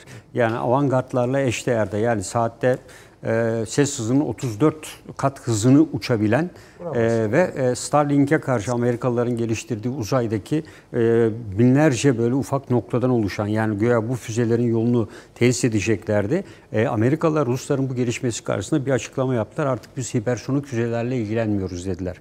E, ve dolayısıyla e, şu anda Ruslar e, denizaltılara bunu monte etmeye. Evet Amerikalılar e, hipersonikte çok geriler, gerideler. Tomahawk'ların dışında İlgilenmiyoruz ne demek? ilgilenmiyoruz derken e, artık onların hızına erişmek anladım. mümkün değil. Ha. Yani şu anda e, ses hızının 35 katın üstüne çıkıyor. Yakalayamazsın ve denizaltıları da monte ediyor. Bu ciddi bir menzil avantajı sağlayacak. Yani denizaltı ile Amerika kıtasına şimdikiler karadan karaya atılan e, 6000 mille veya 6000 kilometre ile sınırlıydı. Oyunu E, ama şimdi denizaltıya girdiğiniz anda Amerikan kıtalarının kara sularının yakınına kadar yaklaşıp e, bu füzeleri radara yakalanmayan müthiş bir ses hızıyla e, olduğu gibi etkisiz hale getirebilir. E, dolayısıyla Rusya e, ki Putin de bu e, törenlere katıldı. E, bu konuda çok ciddi e, hamleler içinde. E, ve e, deniz kuvvetleri ve denizaltılarında özellikle yani deniz su üstü gemilerinden ziyade denizaltıya e, ağırlık e, vermeye başladı ve dediğim gibi hipersonik füzeler şu anda geleceğin muharebelerini tayin edecek üstünlüğü ortaya koyacak olan ne uçak gemisidir ne başka bir gemidir. Hipersonik füzelerdir. Artı uzaydır. Yani bu uzayda bu füzelerin yolunu kesen karadan veya denizden de bu füzeleri atan e, kesinlikle geleceğin muharebelerini kazanacaktır. Anladığım kadarıyla siz bu konuşmayı götürüp şeye de bağlayacaksınız. Türkiye'nin güvenlik sisteminde de bir değişim. Aynen tabii yani, e, Türkiye'nin e, güvenlik sistemi de e, bence buna göre yapılanmalı ve en önemlisi e, kara sularının, deniz sularının hiçbirinin bir hükmü kalmıyor bu silahlarla.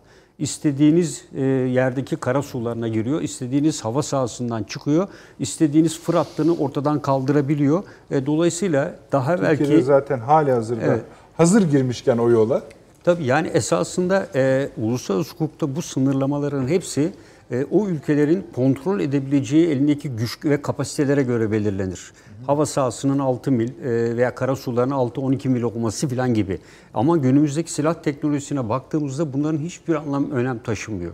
Yani bugün e, Meis Adası e, kapladığı kara sularının 50-60 kat fazlası kara suya sahip kilometre olacak. kareye 40 bin evet, kilometre 40 bin kilometre kare.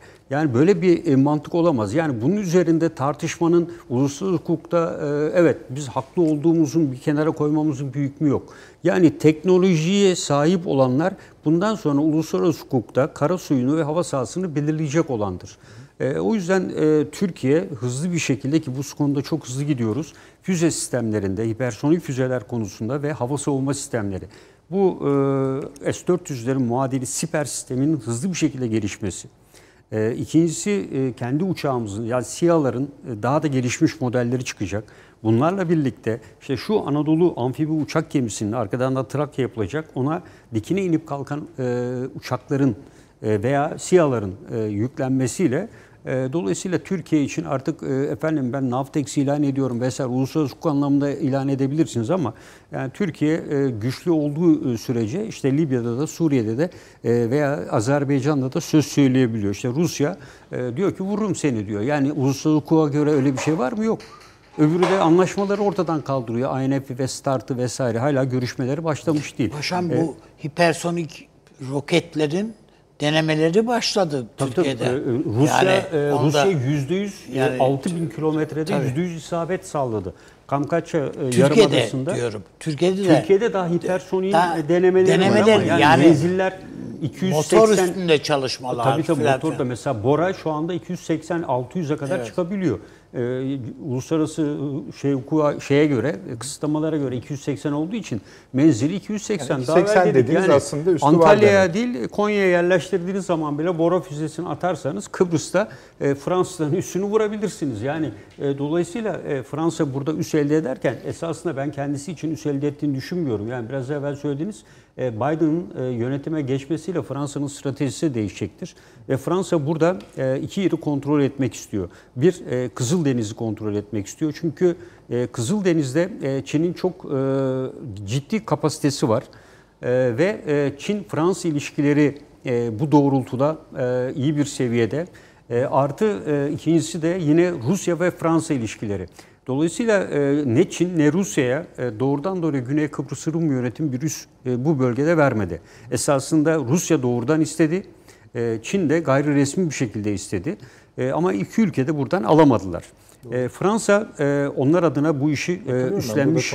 Evet, e, üstlenebilir. E, çünkü burada Fransa'nın bu bölgede e, Kızıldeniz dışında ve burada Güney Kıbrıs Rum yönetimi etrafındaki karbon, hidrokarbon rezervleri çünkü en çok Fransa'nın da işine yarayacak. Ama Fransa için öncelik Libya'da bence.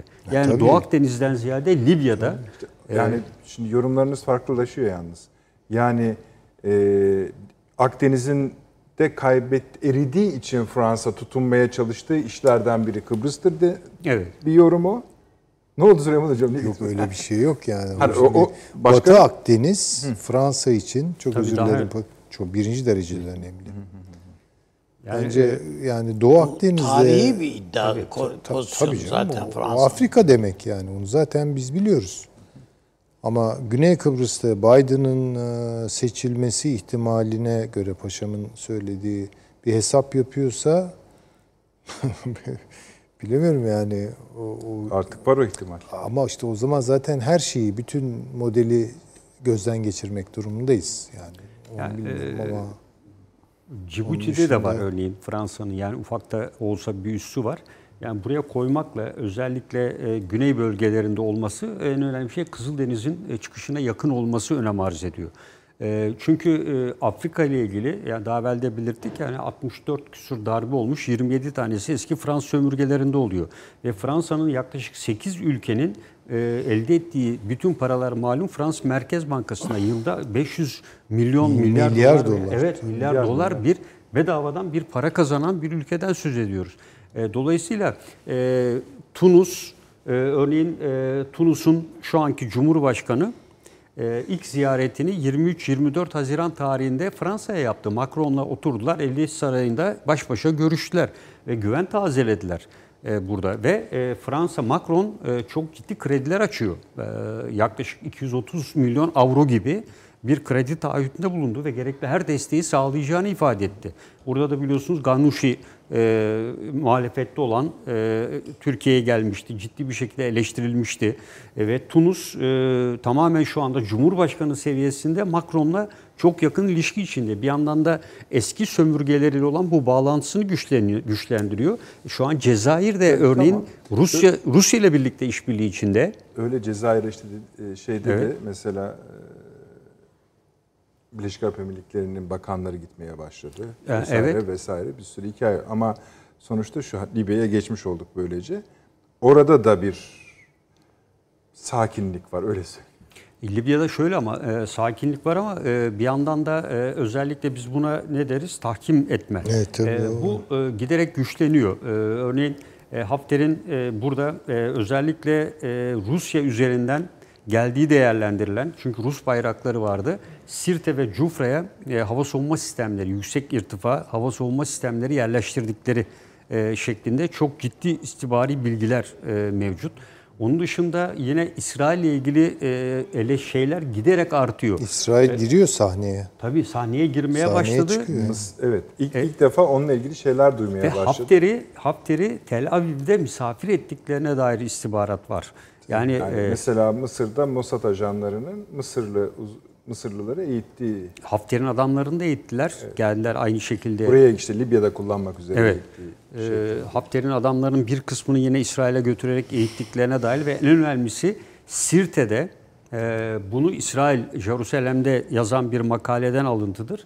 Sirte'yi İsrail güçlerinin e, ulusal mutabakat hükümeti Libya ordusunun bombaladıklarına dair İsrail uçaklarının Hafter'in destek talebi üzerine Sirte elden gidiyor. Destek sağladıklarına dair de e, İsrail gazetelerinde makaleler çıkmaya başladı. Esasında Yani Libya İsrail Başbakanı'nın zaten Evet. açıklaması var.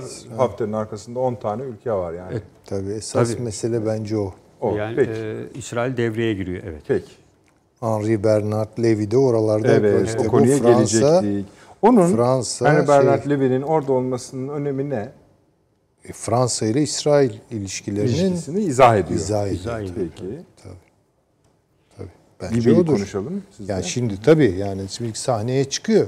Ee, İsrail bugüne kadar sessiz kaldığını biliyoruz. yani onlar halleder diye düşündü belki de. Tabii tabii. Yani şimdi ağırlığını Hafter'den yana koyması meselesi var ee, İsrail'in. Bu ciddi bir şey. Bu çok ciddi bir şey.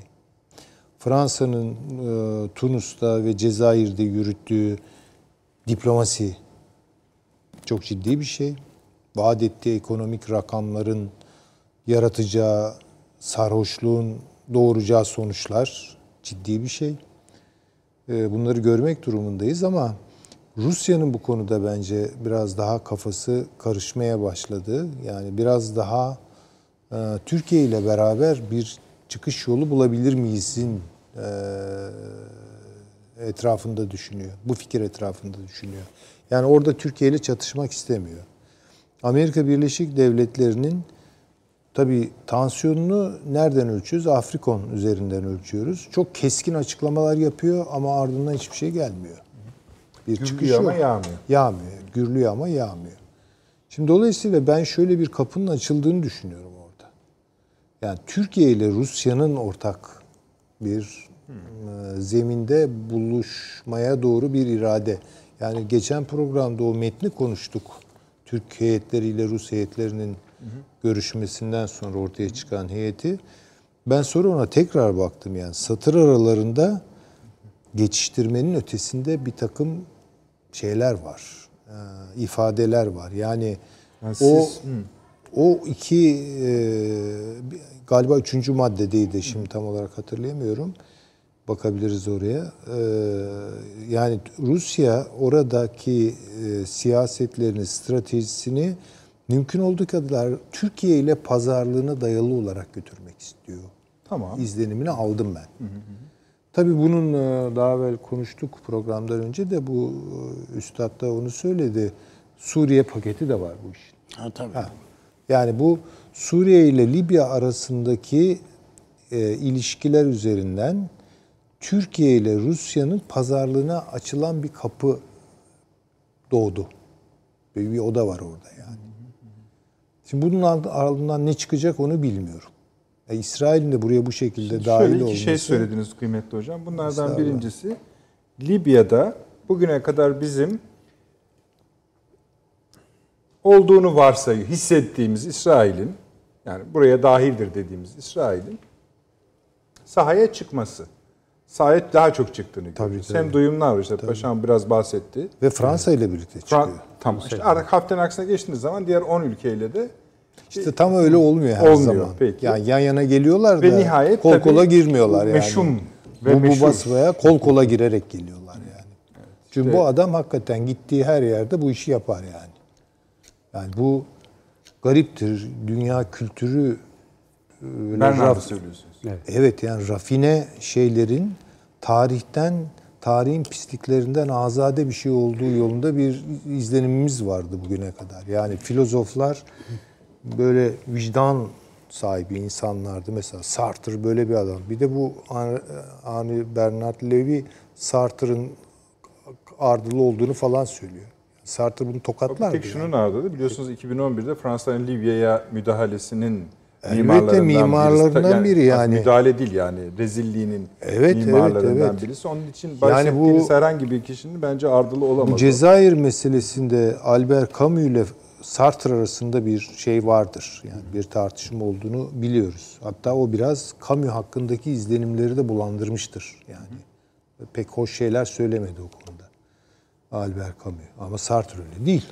Yani Sartre başka türlü konuşuyordu. Şimdi böyle benim gördüğüm kadarıyla böyle entelektüel çevreler, filozoflar, düşünürler, hatta sanatçılar falan da olmadık yerlerde olmadık şeyler yapıyorlar. Yani onların da onları da galiba kirletiyor medeniyet her neyse yani. Bu adam böyle bir adam.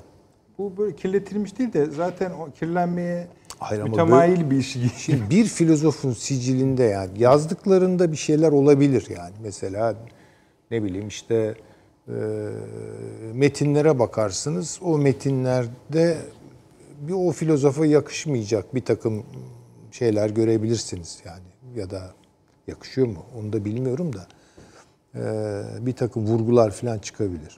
Ama bizzat bir aksiyoner olarak adına filozof denilen bir adam böyle ortalıklara bu şekilde düştüyse yani bir filozofun gözünde real politik ne demektir ya? Pis bir iştir yani. O pis işin içinde yer alıyor bu adam. Bunun gibi adamlar bunlar yani. Bunlar dünyada var ama artık yani bu yeni tip bir, bir düşündür herhalde tipi. Onu bilemeyeceğim. Süleyman Hocam bu Türkiye Hocam Rusya İkinci Dünya Savaşı'ndan beri filozofların böyle özel şeylerin misyonları sahibi üstlenenleri var yani. İşte benim aklıma çok örnek gelmiyor. Mesela ne şimdi ben Vietnam mahkemelerini hatırlıyorum. Bertrand Russell var. Sartre var. Ya bu adamlar insanlığın Ama vicdanını evet, falan de temsil yani ediyor. Ama bir gibi adamlardı. Ha, abi işte filozof onlardı benim Ama bildiğim. bu şimdi Bu, bu nasıl e, bir filozof? Levi öyle değil. O milliyetçi bir filozof. Bazen ırkçılığı tutuyor adamın. Ama bu ama neredeyse Yani bu- operatif bir kimliği de var. operasyon yapıyor yani şimdi aksiyoner bir vaziyet alırsınız. Yani ne bileyim işte faşizmin de filozofları vardı buyurduğunuz gibi. Milliyetçi filozoflar da var. Fichte de var. Ne Evet. bileyim Hegel de. Ya. ya da bu ne yani? Bu ortalıkta dolaşan bir adam. Yani bu, bu çok tuhaf bir tip yani. Yani bu, bu nasıl söyleyeyim? Bu entelektüel praksiste bir şeyler var yani. Onları düşündürtüyor. Her neyse ama, Ama yani sonuçta yine bir de meseleyi anlamamızda bulunuşu yardımcı yani. ipucu veriyor yani. Veriyor yani Fransa ile e, Siyonizmi e, işte bir araya getiren bir tutkal gibi çıktı ortaya Biz de o, o şekilde. ve Yani gir gitti yani Libya'ya gitti falan. Ne oluyor ya? Yani şu biraz şeyi tuhaf yani. Biraz açabilir misiniz Hocam işte Türkiye Rusya meselesi. Ya bence şimdi Yani ile- yani çünkü böyle. O, o anlaşmanın daha ilerisi ne demek? Yani, Yani çünkü daha ileri şöyle. Centcom şey affedersiniz Afrikom Fransa'ya şunu söyleyecek. Ya sen kardeşim NATO mensubu değil misin? Tamam. Peki bak biz Doğu Avrupa'da demin paşam onları gayet güzel anlattı. Şu an Doğu Avrupa'da NATO ile Avrupa Birliği arasında bir paylaşım kavgası var ve Rusya da buna müdahil. Yani Doğu Avrupa'da şu an bir paylaşım savaşı var ve Bulgaristan'ın karışması, Sırbistan'ın karışması vesaire ve bütün mesela Macaristan'ın Macaristan'ın ayrı, Polonya'nın ayrı telden çalması. Yani Doğu Avrupa bugün masada paylaşılıyor. Şimdi Avrupa Birliği'nin Doğu Avrupa'ya bakışı Rusya'dan duyulan kaygılara göredir. Yani şimdi orada Fransa ile Almanya'nın aleyhte bir şey söylemesi zaten mümkün değil. Yani diyecekler ki burada Doğu Avrupa NATO'nun e, ve Avrupa Birliği'nin ortak çıkarları doğrultusunda kalmalı. Güzel. İyi ama adam geliyor seni güneyden kuşatıyor Libya üzerinde. Şimdi dolayısıyla Fransa'yı Fransa'nın bu konuda söyleyecek bir şeyi yok yani. İsrail'le e, şey Fransa'nın buluşması zaten böyle bir e, baskıya karşı alternatif bir şeydir. Ya Fransa yanına İsrail'i almak istedi. İsrail de zamanlamayı ona göre yaptı ve çıktılar. Şimdi bu da Amerika'yı durduracak olan bir şey. Şimdi bu durumda Rusya orada tutunmak için ne yapacak? Türkiye. Türkiye. Ha, Türkiye ile anlaşacak. Tabii bir şeyler alınacak, bir şeyler verilecek. Onları bilmiyorum. Çünkü geçen programda e, hep böyle zihnimin tutulduğu yer ya bu durgunluğun hayra alamet olmadığını düşünüyorum. Yani hep aklıma geliyor. Yüzdük yüzdük kuyruğuna geldik durduk. Ha, bu şeyde olur ya söylencelerde, efsanelerde işte kayayı taşır e, cezalı kişi e, tepeye. Yani eğer biraz uğraşırsa onu aşağı yuvarlayıp özgürlüğüne kavuşacaktır. Ama nedense o sırada orada uykusu gelir. Uyumaya e, E de Korkut yerleri öyle hocam. Böyle. biliyorsunuz. Hadi bakalım taş yeniden yuvarlanır. Acaba böyle bir şey mi oluyor diye düşündüm doğrusu. Yani e, ama şimdi bakıyorum başka bir şey oluyor orada. Benim hissiyatım, Başka değerlendirmem. bir şeyi biraz hani yani Türk-Rus ilişkileri orada. tarif Değişik etmeye bir çalışıyoruz. şey, e, bir çıkabilir Taşansı. Hoca'ya da danışalım müsaade ederseniz. Evet. Taşansı Hocam hem yani Libya'ya geçmiş olduk. Ee, Levi'nin ziyaretinde lütfen katınız. İsrail'in e, Libya'da Fransa ve Hafter'le birlikte bu sefer görünür ölçüde sahaya çıkıp çıkmadığını siz de düşünüyor musunuz? Bahis etmiştik, konuşmuştuk. Türkiye-Rusya ilişkilerinin Libya üzerindeki halinden memnun musunuz? Öyle söyleyelim. Ee, Ben e, birkaç şey, birkaç not daha aldım. Müsaadenizle Tabii, onları tabii, da tabii. söyleyeceğim. Şimdi bu Rica şimdi diğer konulara da bağlamak durumunda kalacağız Gayet bu tabii. mevzuyu. Şimdi tarih tekerrür etmez. Ee, Mark Twain dedi ya onu. Tarih tekerrür etmez ama kafiyelenir. Ee, Ya bu ara kafiye falan değil, redif bu. Yani gayet e, neredeyse tekerrüre yakın bir e, çizginin içinde olduğumuzu tespit etmemiz gerekir. Şimdi bu dede ağaç mevzu Şöyle önemli. Bu e, 2003'te tezkere konuşulurken Türkiye'de e, epeyce hani herkes hatırlayacaktır. Ya bu bölgeden geçecek olan Amerikalılar aman bizden de bir toprağı koparıp mı geçerler diye Türk devletinin epey bir kaygıları vardı. Hatırlanacaktır 2003 tezkeresi sırasında. Şimdi Yunanistan'a baktığınızda biraz önce söyledim öyle e, devlet geleneği vesaire hakikaten e, köklü olmadığı açık en nazik ifadeyle ve e, inanılmaz komplo yaşayan bir toplum değil. Aynı şekilde devlet de komplo yaşar. Şimdi Dede Ağaç'ta bir Amerikan üssü kavramı büyük ihtimalle e, Yunan devletinin de öyle çok da hoşuna giden bir şey değildir. Türkiye korkusuna evet yaptılar bunu kabul ettiler ama e, bakın herhangi bir Yunan milliyetçisi ya da biraz Yunan tarihi bilen bir Yunan devlet adamı şunu bilir. Eğer Dede Ağaç'ta böyle bir üs varsa bu Bulgaristan üzerinden Karadeniz'e çıkacak bir hattı açıyorsa aynı hat Bulgaristan'ın Ege'ye inmesi demektir. E biliyorsunuz Balkan Harplerinde Bulgaristan'ın en büyük amacı buydu. Ege'ye inebilmekti. Akdeniz'e inen diğer bir unsur orada Avusturya Macaristan İmparatorluğu'dur. Hırvatistan ve Slovenya üzerinden zaten indi. Aynı hattın takip edildiğini ancak Doğu Akdeniz'e ve Ege'ye ilişemediğini hatırlamamız gerekir. Ee, Yani redif dedim ya tekerrür etmiyor ama kafiyeleniyor. Redif oradan gidiyorum. Şimdi Doğu Avrupa'ya geçtiğimizde de Doğu Avrupa'ya baktığınızda e, şunu tespit etmek gerekir. Almanya karasal anlamda Rusya'yı bir tehdit olarak görüyor. Ancak iktisadi olarak ilişkilerin gelişmesini istiyor Rusya'yla.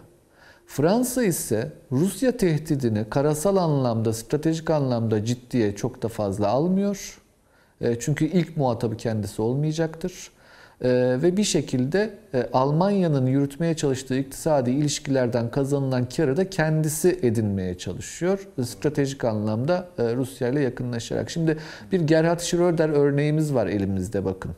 E, kocaman Almanya'nın başbakanı bu adam. E, biliyorsunuz görevi bıraktıktan hemen sonra e, zannediyorum 3 gün sonraydı. Yeni görevine başladı Gazprom CEO'su. Dünya artık böyle ilginç bir dünya. Hani e, bizim o bildiğimiz ulusal çıkar kavramı etrafında derinlikli düşünen siyasetçiler vesaire ne kadar kaldı dünyada ben çok emin değilim. Ben hep söylüyorum bunu gerçekten karamsarım dünyanın gidişatına dair. E, özellikle dünyadaki siyasetçi kalitesi bunu gösterir. Yani Heiko Maas'ı da yani şimdiki Almanya Dışişleri Bakanı'nı da yakında Huawei'in Avrupa CEO'su vesaire olarak görürseniz şaşırmayın. Yani e, bu işler birazcık öyle olmaya başladı. Şimdi dolayısıyla bu Doğu Avrupa'daki paylaşım ve Rusya-Almanya e, itişmesine iyi bakmak lazım. O Balkanlara aksar ki Balkan savaşlarını da bizim iki tane yaşadığımız o Balkan harplerini de unutmayalım ki Büyük Doğu Avrupa çekişmesinin parçasıdır. Yani o bir hattır. Rusya ve Almanya arasındaki hat Ege Denizi'ne, Adriyatik'e kadar iner. Bu, bu, bu hattın bütünsel düşünülmesi gerekir. Türkiye'yi de ziyadesiyle ilgilendirir. Yani efendim bize ne Litvanya'dan diyemezsiniz e, eğer Ankara'dan bu, bu coğrafyaya bakıyorsanız. Şimdi e, buradan hareketle dedim ya siyasetçilerin ve siyasetçilere dair karamsarlığımdan bahsettim. Diğer bir karamsarlığım da 1960 sonrası, 1960'lar diyelim, dünya entelektüellerine dair bir karamsarlıktır. Ee, biliyorsunuz Charles de Gaulle e, çok açık net bir şekilde Sartre için şöyle demişti. Sartre Fransa'dır. O söyler. Onun hakkıdır. Çünkü Sartre gerçekten kamusal entelektüeldi. Yani bir bağlantısı, bağıntısı, iktisadi çıkarı ya da network'ü olmayan, e, düşünceleriyle hakikati yakalamaya çalışan belki de dünyanın e, gördüğü son ne yazık ki entelektüel diyebiliriz. Sonrasında gelenlere baktığımızda Camus'de bir kafa karışıklığı oldu dedi Süleyman Hoca. Aynen katılırım. Camus ile Sartre çatışması biraz öyle bir şeydir ama e, mesela işte geçen aylarda açığa çıktı. E, Foucault ve Derrida gibi post yapısalcıların Sartre'a karşı CIA tarafından desteklendiği Fransa'da. Yani o entelektüel e, etik, entelektüel ahlak bambaşka bir şekilde aslında dejenere edildi ne yazık ki. Başka bir örnek işte Kojev örneği vardır. O da Hegelciydi sözde ama onun da Ruslara çalıştı. Hatta Stalin'e çalıştı ortaya çıktı. Herbert. Marcus. Dolayısıyla ben şuna her zaman inanırım e, entelektüelin söylediğinden dolayı e, sorumluluğu yoktur. E, entelektüelin bağlantılarından dolayı sorumluluğu olabilir. Bernard Henry Levy'ye baktığımızda Bernard Henry Levy'nin e, her ne kadar parlatılsa da efendim çok büyük bir filozof, yaşayan filozof vesaire e, ben sadece tek kelimem geçiniz. E, yani işte bir şekilde etkin medya lobilerinin sayesinde e, belirli bir etkinliği olan popüler bir figürdür sadece. Ancak bu popüler figürün bu şekilde pazarlanması yani bir e, hegemonya yaratmak adına bir filozof olarak pazarlanmış olması bile aslında kendisinin misyonunu gösterir. E, yani Libya ziyaretinde o çerçevede bakmak lazım. Şunu unutmayın yani hiçbir entelektüel bir harbi desteklemek. Hele o 2011'deki Fransa'nın Libya'ya müdahalesi gibi gerçekten e, son derece pespaye bir durumun yanında yer aldıktan sonra en azından bir öz eleştiri vermesi gerekir. Kendi toplumuna, dünyaya. En azından bir rafinasyon için bu şarttır. Görmedik. Şu an yine orada. Bakın şu an orada olmasında şuna bağlayalım. Ee, yani burada İsrail'in uzun zamandan beri birazcık geride kaldığını tespit ediyorduk. Yani harekete geçmeye başladığını görüyoruz Libya'da. Ee, Mısır'ın da harekete geçmeye başladığını görüyoruz ve Mısır e, ilişkilerinin son dönemdeki e, durumuna bakacak olursak beraber bir hareketten söz etmek mümkündür. E, ancak buradaki bloğa baktığınızda bunun gitgide büyüdüğünü tespit etmemiz gerekir. Yani Fransa vardı, Birleşik Arap Emirlikleri vardı, buna Cezayir katıldı. E, yakında Tunus katılıyor çünkü hükümet değişiyor Tunus'ta ve Fransa orada kendi sorununu çözdü kendi açısından. E, efendim buna Mısır katıldı, buna İsrail katıldı, arkasından Rusya katıldı. Burada yanlış giden bir şeyler var galiba. Yani böyle bir yığınak bu normal bir şey değildir gerçekten ve Türkiye tek başına tutunmaya çalışıyor şu an orada görünen. Kısmi olarak destek veren İtalya ve Malta var. Ee, bir de e, yani şöyle söyleyeyim, e, akademisyenin çok konuşanı makbuldür, e, askerin az konuşanı makbuldür. Yani çok konuşan bir Afrikon var. Hani bu kadar konuşmasına gerçekten gerek yok. Çok fazla projeksiyonlar, analizler vesaire. Ee, yani o akademi kursunlar orada. Orada işlerini yapsınlar lütfen ama e, bakın sesi çıkmadığını tespit etmemiz lazım Afrikom'un. Ve bu yığınak bu kadar büyüdükten sonra şimdi Rusya işte orada e, bu sefer kendi grubu içerisinde yani o birikmiş olan Hafter'e destek veren grup içinde acaba kendisi karlı çıkar mı çıkmaz mı sorusunu sormaya başlamış olabilir. Olabilir. Yani Süleyman Hoca'nın e, söylediği Rusya'nın yaklaşımına dair böyle bir cümle söyleyeyim. Ancak şu da olabilir, e, bütün bu güç birikimini kendi lehine de devşirebilecek bir e, potansiyelinin olduğunu da hesaplayabilir. E, ancak hani kümülatif bir birikimin doğu tarafında oluşmaya başladığını, batı tarafında ise bir şekilde mesela işte bugündü yanlış hatırlamıyorsam Suherta Anlaşması'dır biliyorsunuz Fas'ın bir kenti. Ulusal Mutabakat Hükümeti ve biz hep diyoruz ya uluslararası toplum tarafından desteklenen hükümet o anlaşmayla desteklendi. BM o anlaşmayı kabul etti ve bunu Fas sağlamıştı o dönemde. E, şimdi dün ya da bugün hem e, Hafter tarafından hem e, Sarraç tarafından yetkililer Fas'taydı ve şu dillendirilmeye başlandı. Bu anlaşmanın bir redaksiyonu.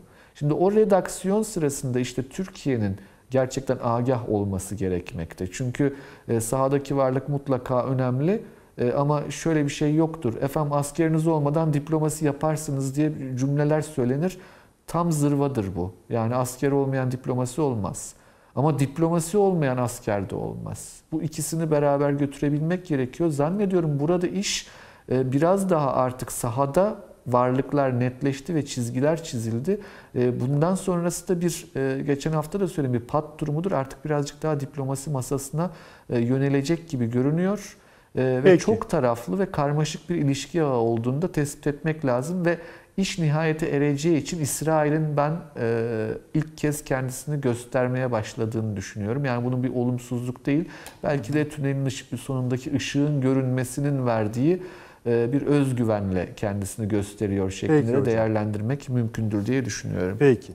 Yani İsrail konusu yani evet şeyi hani madem işler bitiyor şeyi toplayalım gibi bir durum var. Avni abi şimdi aslında bir dokümantasyon yaptı ya Taşan Hoca hani şu evet. kadar ülke şurada, bu kadar ülke. Kısa süre önce Anadolu Ajansı da bunu yayınladı. Aslında devletin resmi ajanslarından bu tür e, değil mi bu? Eksik olmayın. E, bu tür dökümleri pek sık görmeyiz. Şu Hafter'in Libya'da kim kimin yanında başlığıyla bir grafik evet. yayınladı. Bu da aslında bir duruştur. E, Hafter'in destekçileri yani şeyleri de sayıyor ama biz onlara girmeyelim. Ülke olarak Birleşik Arap Emirlikleri, Mısır, Suudi Arabistan, Ürdün, Rusya, Fransa, Çad, İsrail. Bunu böylece Türkiye resmi evet. ağzı söylemiş oluyor. Siz aslında burada bulunuyorsunuz diye. Tarafsızlarda da Cezayir ve Tunus'u gösteriyor. Ama hani bu akşamki konuşmalara bakarsanız onlar da biraz o tarafa doğru gidiyor gibiler ya da zaman gösterecek. Öbür tarafta da Türkiye ve Katar var. Ee, Levi'den başlamak isterseniz evet. buyurun. Yok hayır.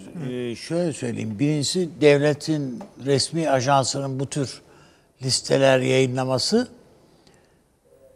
iki amacı var. Birincisi yani tabii haber yani bir evet. tasnif Durumu görün, görün diye.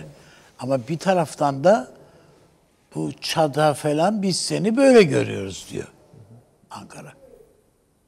Şimdi öyledir ki muhtemelen Çad'ın Türkiye'deki büyükelçisi Anında, yarın Dışişleri Bakanlığı'na gidip siz böyle diyorsunuz ama Bak Türklerde falan böyle mi? Bunun açıklamalarını yapma ihtiyacını hissedeceklerdir. Keza aynı şey e, Cezayir, Tunus bu ülkeler için de geçerli yani bu tür şeyler. Şuna e, katılmakta zorlanıyorum. Yani hani son düzlüğe geldik Hani o yüzden bir toparlayalım şeyi. Hayır böyle bir şey değil. Bu, bu, bu son düzlük falan diye bir şey yok orada. Ee, yani hani bir operada bir laf var ya hani o şişman kadın, kadın çıkıp konuşmadan söylemeden bitmiyor bu iş. O şişman kadın Atlantik'in öbür tarafında ve Kasım'ı kendi bekliyor. derdinde şu Kasım'ı anda. bekliyor. Evet. E, kendi derdinde. Dolayısıyla bu ancak e, yani hani başaltı güreşleri var şeyde. E, Pehlivan Kırkpınar'da. Yani bu oradaki peşrevler bunlar. Fransa'nın Kıbrıs'ta mevzi tutuşu öyledir. Efendim İsrail'in e, bir takım vaziyet, vaziyet edişleri böyledir. E, muhtemelen İsrail Ankara'nın da pozisyonunu bir yere doğru şey yapmaya çalışacaktır falan. Yani ama bütün bunların hepsi için bir beş ay bekleyeceksin yani bu oradaki belli belirlenecek. Bu Trump kazanırsa ya da Biden yani kazandığı anda durum nereye doğru? Dur yani bütün bu hesaplar yeniden yapılacak zaten. Biden kazandığı anda zaten her şey yani çöpe at, of, yeniden yap. Yani. Yani hiç Başka onun şey, şey yok. Ee, Trump kazandığı takdirde e, 4 yıldır ilk defa bir kadro kurmuş olan Trump'ın ilk defa adam yani Dışişleri Bakanı dayanmadı adama. İşte Milli Güvenlik e, şeyi danışmanlığı dayanmadı. Herkes adam bunun ne kadar aptal olduğuna dair kitaplar yazarak ayrıldı bir de. Yani filan filan gibi bütün bunların süzgecinden çıkıp gelmiş bir Trump'ın nasıl bir siyaset oluşturacağı veya yol izleyeceği. Yani bütün bunları görmek ihtiyacındayız. Evet Fransa iz bırakmak istedi. İşte gördüğümüz izler var Vietnam'da. Çok güzel bir binalar filan filan. O izse var böyle işte numaralar. Ee, Hatay'da falan da bıraktıkları izler vardı. Biz gördük yani bunları. Ee, çekip gitmeden bunları yapıyorlar. Yani marifet bunlar değil. Ee, ama Güney Kıbrıs dediğinde üç gün sonra bakarsın ortalıktan tüyer gider. Yani hiç bunlar bunları Fra- bu hesapla. Tabii Güney Kıbrıs'tan da çeker gider. Yani umur değil ki yani bunlar adamların. Ben o yüzden Türkiye'nin Türkiye'nin doğru düz bir pro- po- politika izlediğini düşünüyorum. Sakin bir politika. Yani çatışmaya götürmeyen işi. İşte bu Yunanistan mesela şeyi bugün öyle yani. Yani biz ön koşulsuz bir takım müzakerelere açığız filan şeyleri var. Yapılan açıklamalar öyle. Ee, işi kabartmadan fazla. Ama e, önümüzdeki dönemde çünkü bu tablo gerçek boyutlarıyla Türkiye'nin karşısına gelecek. Bu Yunan Yunan Türk savaşı şeklinde de olabilir. Olacağını zannetmiyorum ama yani yani oraya kadar gidecekse oraya kadar Olası gidecek. tezahürlerden biri işte. E, yani o, ol- olacaksa olur yani. Çünkü hem herkes yani hepiniz aynı şeyi söylüyorsunuz. Burada bir çözüm gerekiyor. Şu anda iyi öyle ya da böyle bir çözüm olacak. Ha, olmayacak zaten. Yani çözmek diye bir derdi yok ki zaten Yunanistan'ın. Ya adamın ağlamak diye bir derdi var.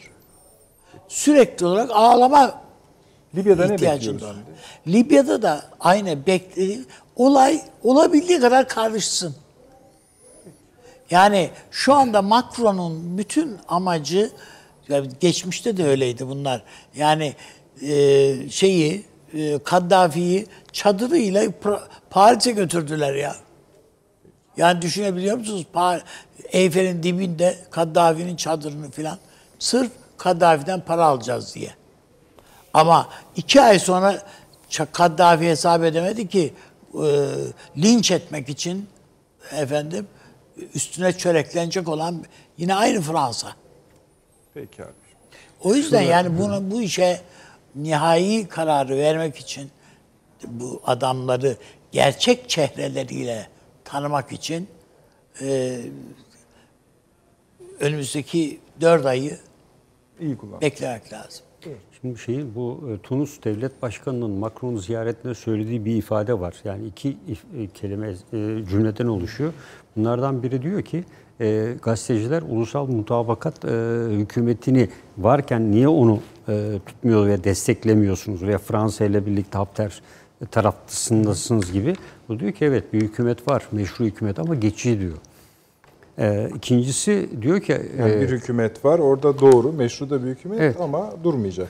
E, Libya'da e, anayasa görüşmeleri aşiretler üzerinden yapılmalıdır diyor. Yani Afganistan örneğini gösteriyor ve Afganistan üzerinden hareket ediyor. Ve Libya'da şu anda herkes bulunduğu mevzileri tahkim ediyor. İlk ileri harekatta bulunan zararla çıkar bundan. Yani ilk, adı- yani ilk saldıran mı zarar? İlk saldıran zararla çıkar. Peki. Yani, bu ilginç e, bir kelime. Oradan da yürüyelim. Bir reklama gidelim. Efendim su havzasını değiştireceğiz dönüşte. Bir sadece şöyle bir parantez açacağız. İlk hareket eden neden kaybeder diye soracağım. Ondan sonra biraz hızla başka bir coğrafyaya gideceğiz. Hazar Havzası ve Basra'ya gideceğiz. Kavkaslara gideceğiz. Tatbikatlara gideceğiz. Reklamlara gidiyoruz şimdi. Hemen döneceğiz efendim. Bir dakika reklam arası. Haberin sosyal medyası gzt.com sizi çok farklı bir okuyucu deneyimine davet ediyor. Merak ettiğiniz sorular yanıt buluyor, henüz duymadığınız şaşırtıcı konularsa karşınıza geliyor. Yorumlarınıza editörler cevap veriyor, arkadaşlarınızla paylaşmak isteyeceğiniz eğlenceli içerikler hazırlanıyor. Sizler için kamera karşısına geçiliyor ve olaylar sıkmadan ve anlaşılır şekilde anlatılıyor. Özel infografikler, videoların yanı sıra burada sayamayacağımız sayıda farklı dergiler.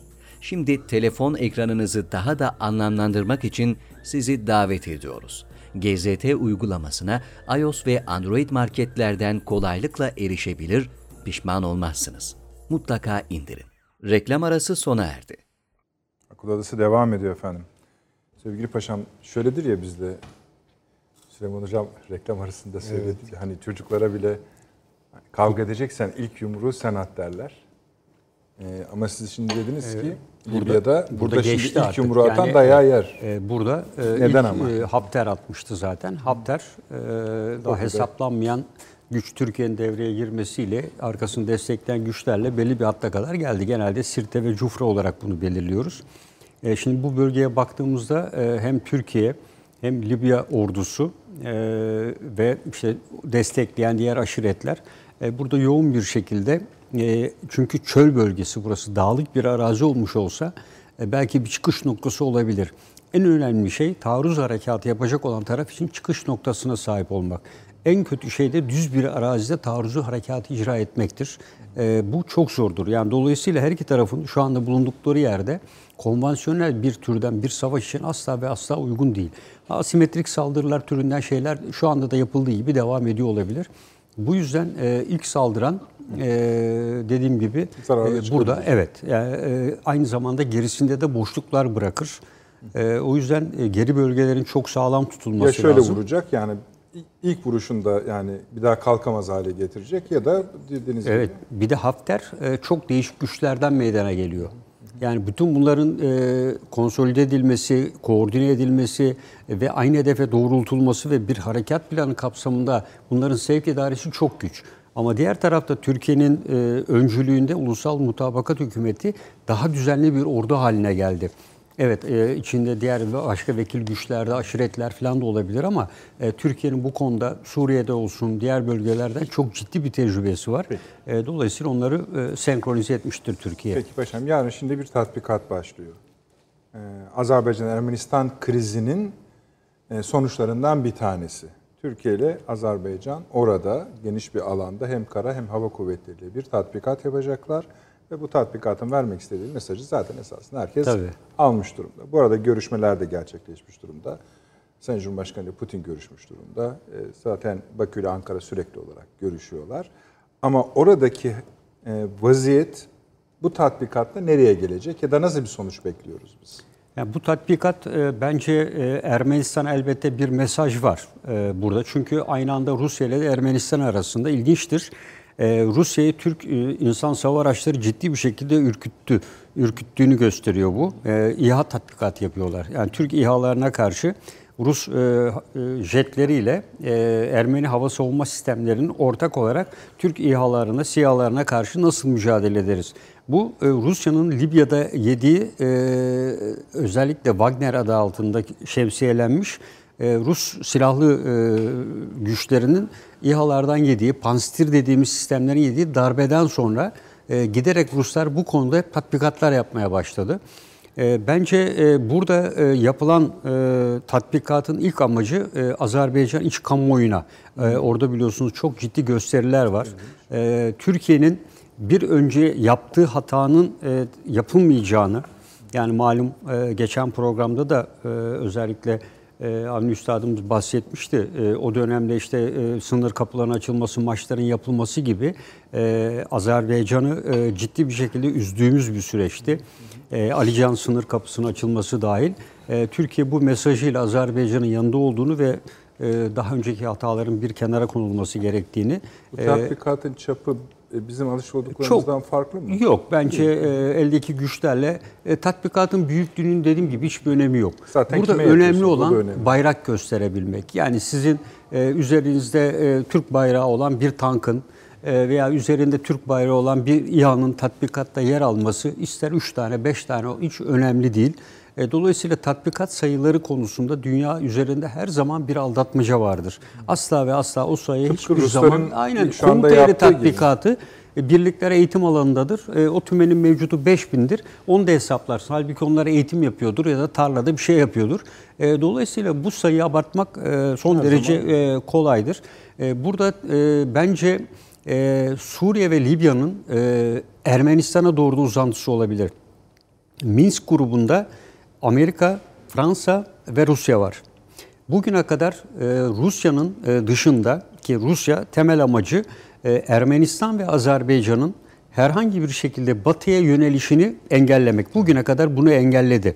Yani e, Batı'da NATO ve veya başka bir şeye ne Azerbaycan dahil olabildi ki Azerbaycan öyle Türkiye ile birlikte işte NATO konusunda bir takım standartlara getirildi ama hiçbir zaman NATO'ya e, dahil olamadı. Aynı şekilde Ermenistan e, Batı ülkelerinde dahil olmadı ve tam tersine Rusya Ermenistan'ı kendi örgütleri içine dahil etti. Yani kolektif güvenlik örgütü, ekonomik işbirliği gibi örgütlere dahil etti. Ancak ben Ermenistan'ın artık e, Rusya için giderek ağır bir külfet haline geldiğini düşünüyorum. E, çünkü e, bu iki üssün burada yer alması artı bir de buradaki bu döküntü santrale e, her yıl e, eski borçlarına istinaden e, bir de Ermenistan para ödüyor. Yani 650 kişi getirdiler Rusya'dan buraya ve şu anda o santralı Ermeniler değil Ruslar çalıştırıyor. Bizim e, Kars'a 16 kilometre mesafede olan santralı. E, dolayısıyla ciddi bir yoksulluk, e, e, ordu tamamen Rusların elinde ne varsa eski onlarla idame edilen bir yapıda. E, ve bence e, Libya, Suriye ve Dağlık Karabağ'ı birlikte tutarak malum Dağlık Karabağ ile ilgili e, ortaya konulan dört temel ilke vardı. Azerbaycan'ın e, toprak bağımsızlığını ortaya koyan bu ilkeler üzerinden bence e, önemli bir, hepsi belki olmayabilir ilk etapta ama bir mutabakat sağlanacağını düşünüyorum. Çünkü burada Ermenistan'ın bu konuda ikna edilebilmesi için Rusya'nın ikna edilmesi gerekir. Bu dört temel ilkeyi esasında Rusya zaman zaman gündeme getiriyor. Minsk grubunun da ortaya koydu ama şu anda Minsk grubu güvenirliğini yitirmiş durumda. Dolayısıyla burada Minsk grubu yerine e, her iki ülke içinde çünkü e, biliyorsunuz Galebe'de e, bir radar üssü vardı Azerbaycan'da ve Azerbaycan Rusya'dan bu üssün süresini uzatmadı ve çıkmasını istedi. Şu an Azerbaycan'da bir Rus üssü yok ama Ermenistan'da bir kara bir hava üssü e, mevcut. E, bu yüzden e, ama Azerbaycan'ın savunma sanayinde biraz bağımlılığı var Rusya'ya. E, aynı zamanda Azerbaycan ordusunda da yine Türkiye ve NATO standartına yakın bir düzen olmakla birlikte önceki subaylardan gelen bir Rus ekolü de e, Azerbaycan içinde var. Azerbaycan'ın tabii bu sistemden kurtulması mümkün değil kısa süre içinde. Yani bu bağımlılıktan. Niye bu öyle oluyor? Yani bu zaten bayağı bir zaman geçti. Hala bunlar E, ama e, o bölgeye Ama baktığınızda bürokrasi- en çok Rusların saldırısına uğrayan ülke Azerbaycan'dır. Bakü'nün Bürokrasi tortu bırakır. Evet. Yani öyle bir de o tortu o demek ki elit büyüyor. dolaşımı Tabii. öyle kolay iş değil. Yani inorganik değil, organik bir şey o. Evet yani e, üç ülkeden geliyor. Bir Rus, Türk ve İsrail silahları. E, Burada mesela Ukrayna'da bir füze verdi biliyorsun. O da bir Maşallah sorun oldu. neredeyse bütün oyuncular Minsk E, grubunda tabii yani arasında. bu e, mesela Hindistan'da gibi yani e, düzen şeyi idare edebilmek. Fransız silah sistemleri biraz Ermenilerde var, ikisinde de var. E, ben burada Rusya'nın e, Türkiye ile Rusya'nın bu bölge üzerinde de anlaşabileceğini düşünüyorum. E, dediğim gibi dört temel madde var. E, çünkü burada anlaşmak bence diğer tarafta anlaşmaktan daha kolay olduğunu düşünüyorum bu safhada. E, ve e, Ermenistan'ın da bu bölgede evet enerji hatları ve demiryolu hatları var ama e, sanki e, Rusya'da e, böyle bir anlaşma yapmaya e, Ermenistan e, zorluyormuş gibi e, bir e, konu da söz konusu. E, çünkü asla yani Rusya evet yol vermiş olabilir ama e, Tovruz bölgesi gibi e, uluslararası hukuk açısından da Öyle mi düşünüyorsunuz paşam? Bunda Rusya'nın mı müdahil ol? Yani bu Ermenistan'ın e, Tabii. Yani saldırısında saldırısında Rusya'nın mı? Ben e, Rusya'nın e, çünkü e, Ermenistan e, Rusya'nın evet demesiyle yani Rus gazetelerinde ve diğerlerinde de yazılar var. E, Rusya Ermenistan'a evet demeden e, hareket etmesi mümkün değil. Bütün istihbarat e, sistemleri Rusya'nın kontrolü altında. Bütün telsiz görüşmelerini Ruslar izliyor. E, ve bütün hareketlenmelerini yani en takip kötü ediyorlar. ihtimal kafasını çevirmiştir diyor. Evet, kafasını çevirmiştir. Yani e, çünkü e, şu anda son 5 yıldır Ermenistan'ın bütün e, MAPS dediğimiz komuta kontrol sistemlerinin tamamı Rusya'nın kontrolü altında. Kendi aralarındaki bütün haberleşmeler Ruslar tarafından çok yakından takip ediliyor. Çünkü hepsi Rus sistemi zaten ve dolayısıyla Rusya'nın böyle bir harekat için emir verilmesi vesaire gibi Rusya'nın bundan bilgisinin olmaması mümkün değil. Evet gidin bunu yapın dememiştir ama bunu bir değerlendirerek e, işte bunun fayda ve mahsurları nedir, ne olabilir, e, ne sonuçlar doğurabilir e, onu ortaya koymuştur. Yani unutmayalım Dağlık Karabağ Ermenileri getirip nakleden Rusya'dır zaten. Yani Dağlık Karabağ sorunu. öyle ama şu pozisyonda öyle mi düşünüyorsun? Ben yani Rusya'nın e, bu işe çünkü sistemler bazında bakıyorum. Yani Rusya'nın e, buna evet baştan itibaren olur dememiş olabilir ama e, harekatın seyrinde ve yapılan işlerin seyrinde e, ve özellikle Tovruz bölgesinin e, Ermenistan tarafından tek başına seçilmiş olabileceği de pek anlamlı değil. Yani buradaki evet burada bir baraj var. Ee, Işıklar Şehri denilen e, Menevgiç mi ismi değişik bir ismi var. Bu baraj e, iki ülke arasında sorunlu bir baraj. Sınır aşan sular e, kapsamında. Fakat o o kadar ciddi Ermenistan çünkü burayı vururum dedi. Ee, Diğer de santralı vururum dedi Azerbaycan'da. E, ama o kadar orası o kadar önemli bir şey değil. Evet Azerbaycan'ın %35-40 su ihtiyacını karşılıyor. Ama e, oradan e, iki tane ayrı petrol boru attı. Tiflis Bakü e, demiryolu attı. O Çin'den gelen buradan geçen demiryolu attı gibi bu bölgenin seçilmesi tesadüf değil. Yani e, Süleyman Hocam siyaseten Tabii. katılmıyor. Yani ben şöyle Siyaseten düşünüyorum. çünkü ama siyasetin de araçları yok bu sefer. Öyle. Yani bu Rusya niye bunu yapsın? Yani o- ona bir gerekçe. Yani Libya olabilirdi. Şimdi e, bir şekilde karışmış bir Kafkasya. Şu ya da bu şekilde Rusya'nın istediği bir şey değil. Yani siz başta buyurdunuz bu e, Azerbaycan'la e, Ermenistan'ın tabii ki Gürcistan da buna dahil mümkün olduğu kadar dengede stabil Tabii, kalması. tabii. Statü- Bunu niye statüküyü devam bunu niye bozsun? Benim hep aklımı kurcalayan şey tabii ki bu. Ben biraz daha farklı bakıyorum. Yani bir Yani kere bu Fransa'yı Paşinyan görüyorsunuz, şeyi de ben. Fransa'yı görüyorum. Fransa'yı görüyorum, hatta Amerika Birleşik Devletleri'ni görüyorum. Ve bunun büyük ölçüde Rusya'ya karşı yapıldığını, yani Paşinyan e, harekete geçirilerek Suriye. Çünkü bu adam e, Rusya'nın adamı değil. Adam Rusya'nın Da adamı batıya değil. yakın biri. Tabii ki çok batıya yakın biri. Evet. Ama Ve- şöyle bir şey var hocam ya ben e, Amerika'nın e, dahil olduğuna katılıyorum. Yani Çin'i e, dediğim Tabii gibi Çin burada zaten o sizin de tahlilleriniz Ama, var orada. e, şunu yazıyor yani Rusya'nın e, ben diğer e, bizde onun bütün silah sistemleri de e, mevcut. Bütün elindeki telsiz sistemleri ve hepsi Rusların kontrolünde. Tamam da Şimdi- yani Rusya'ya rağmen yapılmış olamaz mı bu? Yani İşte orada bir araçla hedef İşte, arasında bir problem e, Rusya oluyor yani. yol vermiş olabilir. Yani örneğin Amerika ile bir örtülü bir Çin üzerinden bir anlaşma vesaire gibi şey söz konusu Bilemiyorum olabilir. tabii ama yani e, şu, tabii dediğiniz muhakkak doğrudur. E, kontrol ettiği, Evet, dinlediği, takip ettiği ortada. Ama bu süreci başlatan bence çok farklı iki şeyin bir noktada buluşması hatta zıt.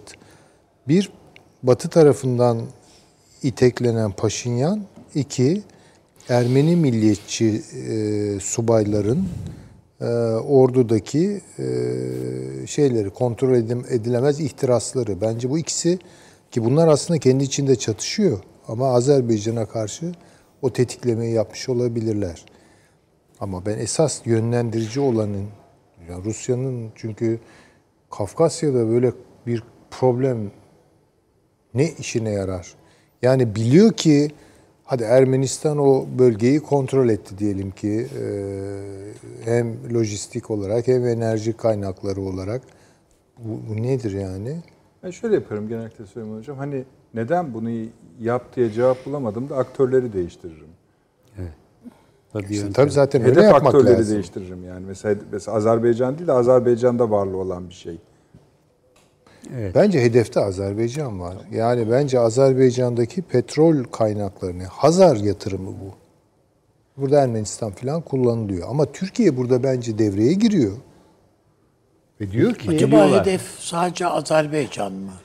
yani, yani sadece Türkiye Hazar, olan- Hazar. Hayır, Hazar Türkiye mı? olamaz mı? E, tabii Türkiye'de ama yani Bu şimdi Türkiye operasyondaki amaç yani ben öyle pek düşünmüyorum. Azerbaycan'ın ya acaba Ankara Azerbaycan'ı yalnız bırakır mı? Bırakmaz O da mı? test ediliyor Bu olabilir. bir test ediliyor. Tabii test ediliyor ama esas bence hedefin zengin e, Hazar bölgesi enerji kaynakları olduğunu düşünüyorum ve Amerika buraya gözünü dikmiş vaziyette. Fransa da burada at oynatabilir çünkü Ermenistan gibi bir yakın olduğu yani her şekilde yakın olduğu bir unsur var orada. Gerçi Amerika yani kendi petrol şirketleriyle Azerbaycan'la uzun süreli anlaşmalar yaptı. Yani orada e, en önemli e, şu midye kabuğundan olan şirket orada zaten yer alıyor. E, oranın ben de ilk gittiğimiz zaman da, da hiç e, belli etmez bakın- hangi şirketten bahsettiğini. Ee, bir de İran'ı kontrol etme meselesi var. Evet. Yani e, Yani E, onun için yani ben Azerbaycan, Evet. e, Türk yani orada İran'da tütür- tutuklamalar başladı. tabii tabii. Yani içeriye Tabii hemen yani bence şurada ne görüyorsunuz? e, lastikten bir deniz Evet, şey yani, uçak e, gemisi. evet yani İran e, her yıl olduğu gibi geçen yıl Nimitz uçak gemisini e, şeye yapmıştı. Bu Hedef birebir. Birebir, Bire- birebir. Yani Tabii. 200 Birebir. metre boyutunda balondan Hürmüz uçak Boğazı'na e, İran tatbikat yapıyor. Geleneksel e, devrim muhafızları deniz kuvvetleri tatbikatında. Karşısına da birebir uçak gemisinin geçen yıl Nimitz'i yapmış. Bu yıl hangisini yaptığını merak ediyorlar. Eisenhower Ve bu uydudan e, birebir çekilmiş ve bir uçak gemisinin birebir modeli. yani, bu İranlılarla Faris, Perslerle Grekler benziyor birbirlerine galiba. Evet, yani. Biri Çok iyi söylediniz. kartondan ağaç diyor. o, o şeydeki meis e, gerilimi sırasında şu laf çıktı. E, dediler ki, Yunanistan da Amerika Birleşik Devletleri üstelik uçak gemisi katılarak o bölgede şey yapacak. Askeri tatbikat yapacak. Zaten şu anda Süveyş kanalından geliyor. Eisen, Eisenhower'da herhalde. Eisenhower geliyor. Şimdi Eisenhower da öyle bir öyle böyle uçak gemisi değil yani. Ondan sonra adam hakikaten geldi. Yalnız Cebeli Tarık'a doğru yol değiştirip gitti. E, İranlarla Yunanlıların balonmuş ha.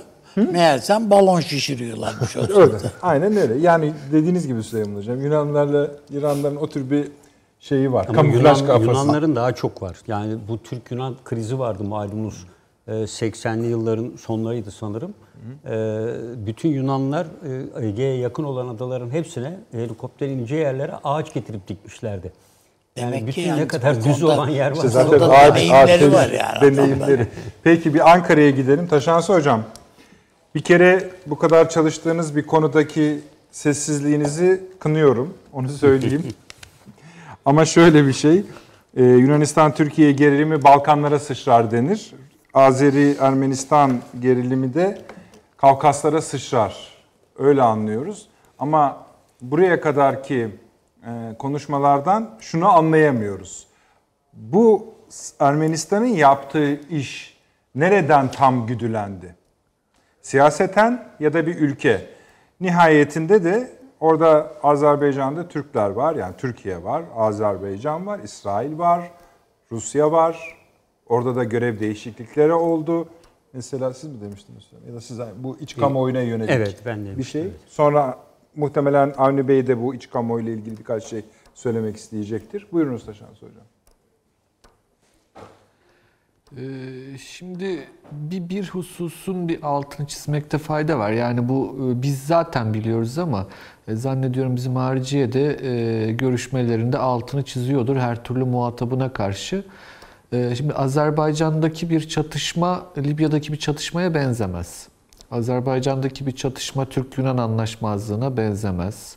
Azerbaycan'daki bir çatışma öyle İdlib'le falan kimsenin karıştırmaması gerekir. O ciddi bir şeydir. Yani Türkiye bunu e, çok ciddiye alır. E, Kimsenin de bunu test etmesine de gerek yoktur. Zaten muhatapları bunu bilirler. E, Ama zannediyorum farklı kanallardan yine de her türlü muhataba bu durum iletiliyordur. E, Yani öyle e, Dün- bugün işte bu dün bir kontrol edelim, işte. bir test edelim veya e, nasıl? Pu- Putin'e de söylendi işte. E herkese, herkese yani bu bu bu hassas bir mevzudur. Yani e, Azerbaycan Türkiye için e, hassastır.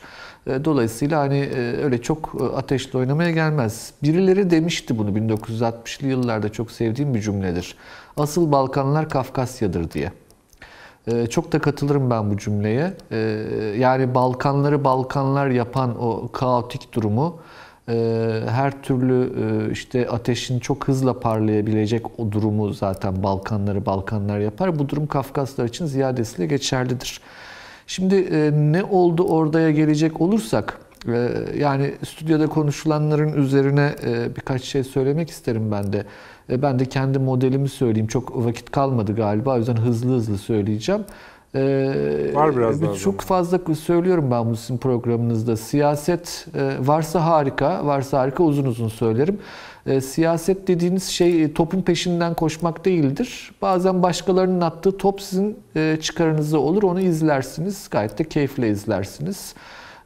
Dolayısıyla farklı pozisyonları iyi analiz etmek lazım. Burada şimdi Ermenistan'daki iktidar değişikliği, e, Paşinyan'ın iktidara gelmesi, e, Petrosyan'la Paşinyan arasındaki ayrışma, yani Rusya'nın ve Fransa'nın bölgedeki etkisine baktığınızda, şimdi Fransa etkisinde bir Ermenistan görüyoruz. Dolayısıyla motivasyon kaynağının Fransa olması son derece e, manidardır, anlaşılırdır. Ancak Rusya'nın buna izin vermeden böyle bir şeyin yapılması söz konusu değildir. Ancak Rusya buna izin verdiğinde işi başlatan Rusya olmamış olacaktır. İşi başlatan Fransa olmuş olacaktır. E peki neden Rusya böyle bir şeye izin verir diye soracak olursanız e, burada özellikle Paşinyan yönetiminde sıkışmış olan yani uzun yıllardan beri hem iktisadi hem siyasi olarak sıkışmış ve hareket etmek isteyen Ermenistan'ı bu hareketinden men etti şu an Rusya. Bir şekilde öyle ya da böyle kendisine bağladı. Burada bir çatışma ihtimali olduğunu kendisine gösterdi. E, Türkiye ve Azerbaycan tarafından sıkıştırıldığını kendisine hatırlattı. Yani amiyane tabirle söyleyecek olursak öyle çok da hoplayıp zıplama dedi.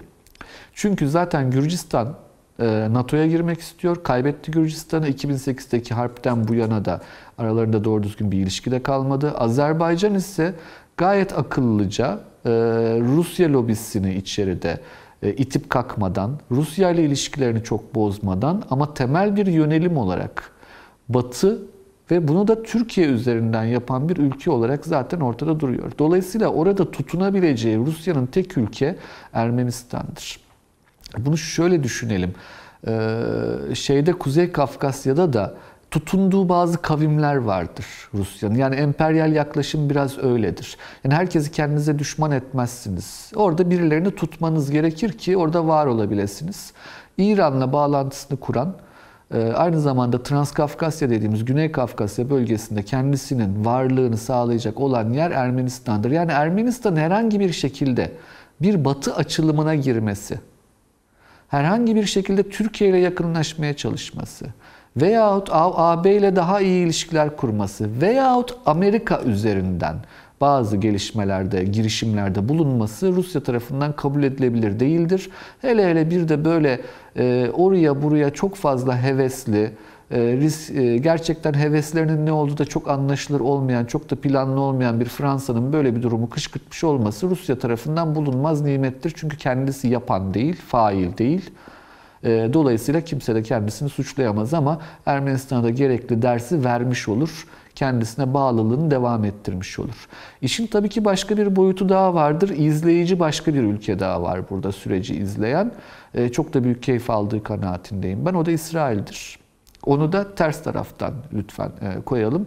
O da e, Azerbaycan'ın Ermenistan tarafından tehdit ediliyor olmasından dolayı Azerbaycan'ın mecburen İran, Ermenistan, Rusya bloğu dışında İsrail'e yakınlaşacağını, kendisinden silah alımını artıracağını, İsrail'in bölgedeki, Azerbaycan'daki etkisinin artacağını hesaplamıştır. Dolayısıyla bu çatışmadan karlı çıkan birincisi Rusya'dır Ermenistan'a haddini bildirerek. İkincisi İsrail'dir. Azerbaycan'da e, daha fazla yer edebilme umudu açısından. E, Türkiye buraya çıkar e, zarar olarak bakmaz. Gayet duygusal bakar. Bu kaçınılmazdır. Bunda bir zarar da görmem ben, beis de görmem. Bir de tabii ki burada Azerbaycan'ın özellikle bu tarz bir motivasyonu yani bir milliyetçi motivasyonun Azerbaycan'da sokaklara dökülmesinin başka bir yansıması olacaktır. Bunun hiçbir zaman unutulmaması gerekir. Ee, Güney Azerbaycan yani er, e, İran'ın batısı e, gerçekten çok fazla Doğru. hareketlendi.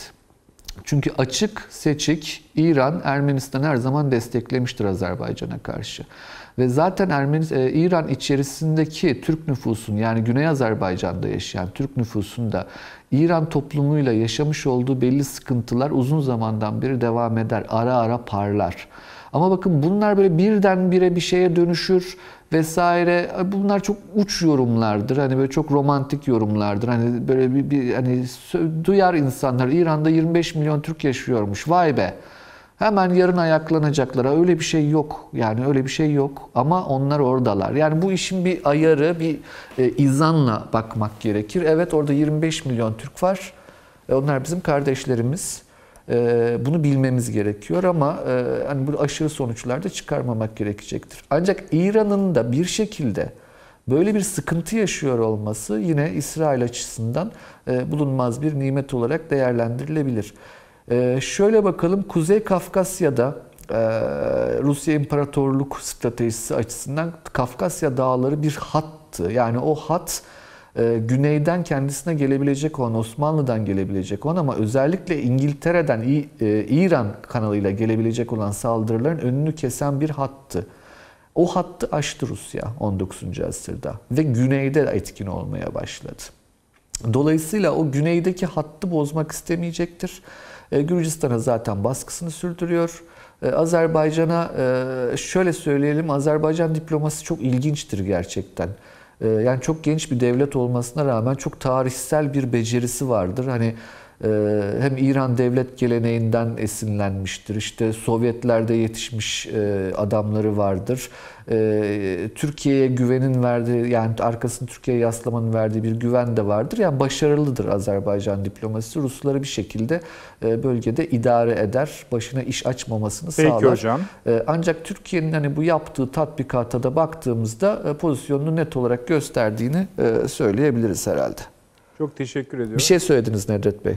Yani ben e, hani toparlarsanız Ben teşekkür sevinirim. ediyorum. tamam çok teşekkür ederim. Avni abi. Şimdi yani hocalar zaten anlattılar. Yani onlara eklenecek pek fazla bir şey yok ama e, şu boyutunu göz ardı etmemek lazım. Ermenistan'ın artık kendisine değil Amerika'ya çalıştığının farkında Rusya. Yani evet bütün güvenliğini Rusya sağlıyor. Her bir şeyi Rusya'ya da dayalı iç içeride dışarıda nesi varsa Rusya tarafından kontrol ediliyor. Hacir altında bir ülke. Evet. Ermenistan ama gönülleri Washington'da. Bunların yani gelen paralar da önemli bir kısmı da diasporadan, Amerika'dan geliyor zaten bunlara. Onun için e, mutlaka ve mutlaka Amerika'nın keşke mümkün olsa NATO'ya girse gireceğiz diye bakarlar. Keşke mümkün olsa Paşinyan Tü- Paşinyan tabii yani e, Türkiye ile bir barış anlaşması bu Rusya'yı ürkütse korkutsa bile yani e, o soykırım moykırım falan idare ederler yani onları falan diye düşünebiliyorum. Varır mı oraya Birincisi kadar? Bu. Ha? Varır mı sizce oraya kadar? Hayır. Düşünürler bunu. Tamam işte varır mı? Hevesler. Hayır yok. gönüllerinden geçer. Gönüllerinden geçer. Ama ortada bir de reel olarak geleceğe dönük bir hayal veya bir tasavvur olarak Türk-Azerbaycan, Türkiye-Azerbaycan birlikteliği var. Bu federasyon şeklinde olabilir, şu olabilir, bu olabilir. Yani arada bir şekilde Türkiye başka bazı şeylerde de olduğu gibi bazı başka pro, bir siyasi proje geliştirebilir yani. Azerbaycan, Gürcistan yani Gürcistan'ı da NATO'ya almanın bir yolu olarak bu düşünülebilir. Niye olmasın yani bu tarz şeyler yani. Ben e, Rusya açısından esas tehlikenin sıkıntının bu olabileceğini düşünüyorum. O yüzden Ay, de Ermenistan'ı çok sıkı tutmak kararındalar. Hiç kıpırdayamaz yani Ermenistan. Ee, halde- istedikleri kadar hevesleri Washington üzerinden olsun filan filan. Yani hiç bunların yapabileceği bir şey yoktur yani o noktada. Peki, o zaman böyle bir saldırı gerçekleşti. Aşağı yukarı tahayyül edebiliyoruz arkasındakileri ve niyetini. Evet. Ve Türkiye böyle bir şeyde herhangi bir silahlı şeyde Vazi- e, vaziyette Azerbaycan yanında savaşa girebileceğini göstersin. Yarın da tam olarak göster. Da- Yani gösteriyor. Yani bu daha başka bir şey. Bu tatbikatlarda zaten başka bir şey beklenmiyor. Türkiye hem vurucu gücünü de gösterecektir muhtemelen o tatbikatlarda yani. O sihalar bilmemler vur, F-16'lar yarın vuracaktır. Bir takım kritik hamleler yapacaktır. Bunların hepsini hem Rusya izleyecek hem Azerbaycan, şey, Ermenistan izleyecek yani bunları. Yani o bakımdan o bir gözdağıdır yani. Bir de malum o bölgede Ağrı'da e, Yıldırım Üç tatbikatı başladı. Şeyi, e, iç güvenlik e, operasyonu başladı. Yani evet yani bu da e, bu kapsamlı hem terörle İşte mücadele de yaparım anlamında. Evet hem İran ve. Ermenistan'dan Hocam zaten olan- geçen hafta bir istihbarat uçağımız düşürüldü. Evet, Bilmem ne yani bütün o bölgede de- bölgeye dönük bir hassasiyet var zaten yani. Peki. Hem Ankara'nın bir hassasiyeti var hem de onun dışındaki unsurlarında. Peki. Hani bu akşam Irak konuşacağım. Yani kafaya koydum. Onun için sizden başlayalım. Evet. Estağfurullah. Ee, ama Kuzey Irak değil, Irak. Yani Evet. o da tabii ki ona dahil de. Şöyle, yani ben şu kadarlık bir cümleyle açayım. Ee, Başbakanın, Irak Başbakanı'nın aldığı pozisyon eğer Amerika'nın, İsrail'in, Sair'in onu destekleme hedefine ulaşırsa yani İran'ın Irak'tan temizlenmesi gibi bir noktaya gelirse Ki gelecek. Tamam. O halde bu boşluğa kimler gelecek? İşte Amerika diyor ki Türkiye gelmesin. Tamam. Yani yani bu budur. Oysa Türkiye'nin burada belki çok fazla sahnede görünmüyor ama e, Amerika'nın bu Irak konusunda istişare halinde olduğu Pompeo zaten bu konuda bir teması var. Olduğu bir ülke var. O da İngiltere. Yani burayı burayı nasıl şekillendireceğini Türkiye ile de oturup müzakere edelim dediler Amerika'ya. Yani görüşlerini alalım. Bariz görüldüğü coğrafyalardan biri. Evet. Yani belki gö- belki sahneye çıkmakta tereddüt gösteriyor veya fazla görünmüyor ama telkinleri Amerika'ya etkili. Bunu nereden neye dayanarak söylüyorum? Neçirvan'ın filan konuşmalarına dayanarak söylüyorum bunu. Yani İngiliz istihbaratının kaynaklarına filan duydukları ilgi dolayısıyla söylüyorum. Ne olduğunu öğrenmeye çalışıyorlar Amerika ile temaslarının ne noktaya kadar olduğunu. Birden e, Irak'taki medya üzerindeki şeyleri değişti. Üslupları, duruşları değişti filan.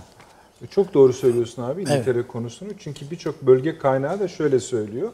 İngiltere'nin e, İran sonrası dönemde Amerika... Amerika diyor ki başarısız olduk. İngiltere diyor ki kimseye danışmadan lap diye giriyorsun yani ortaya e, burada kıra döke giriyorsun.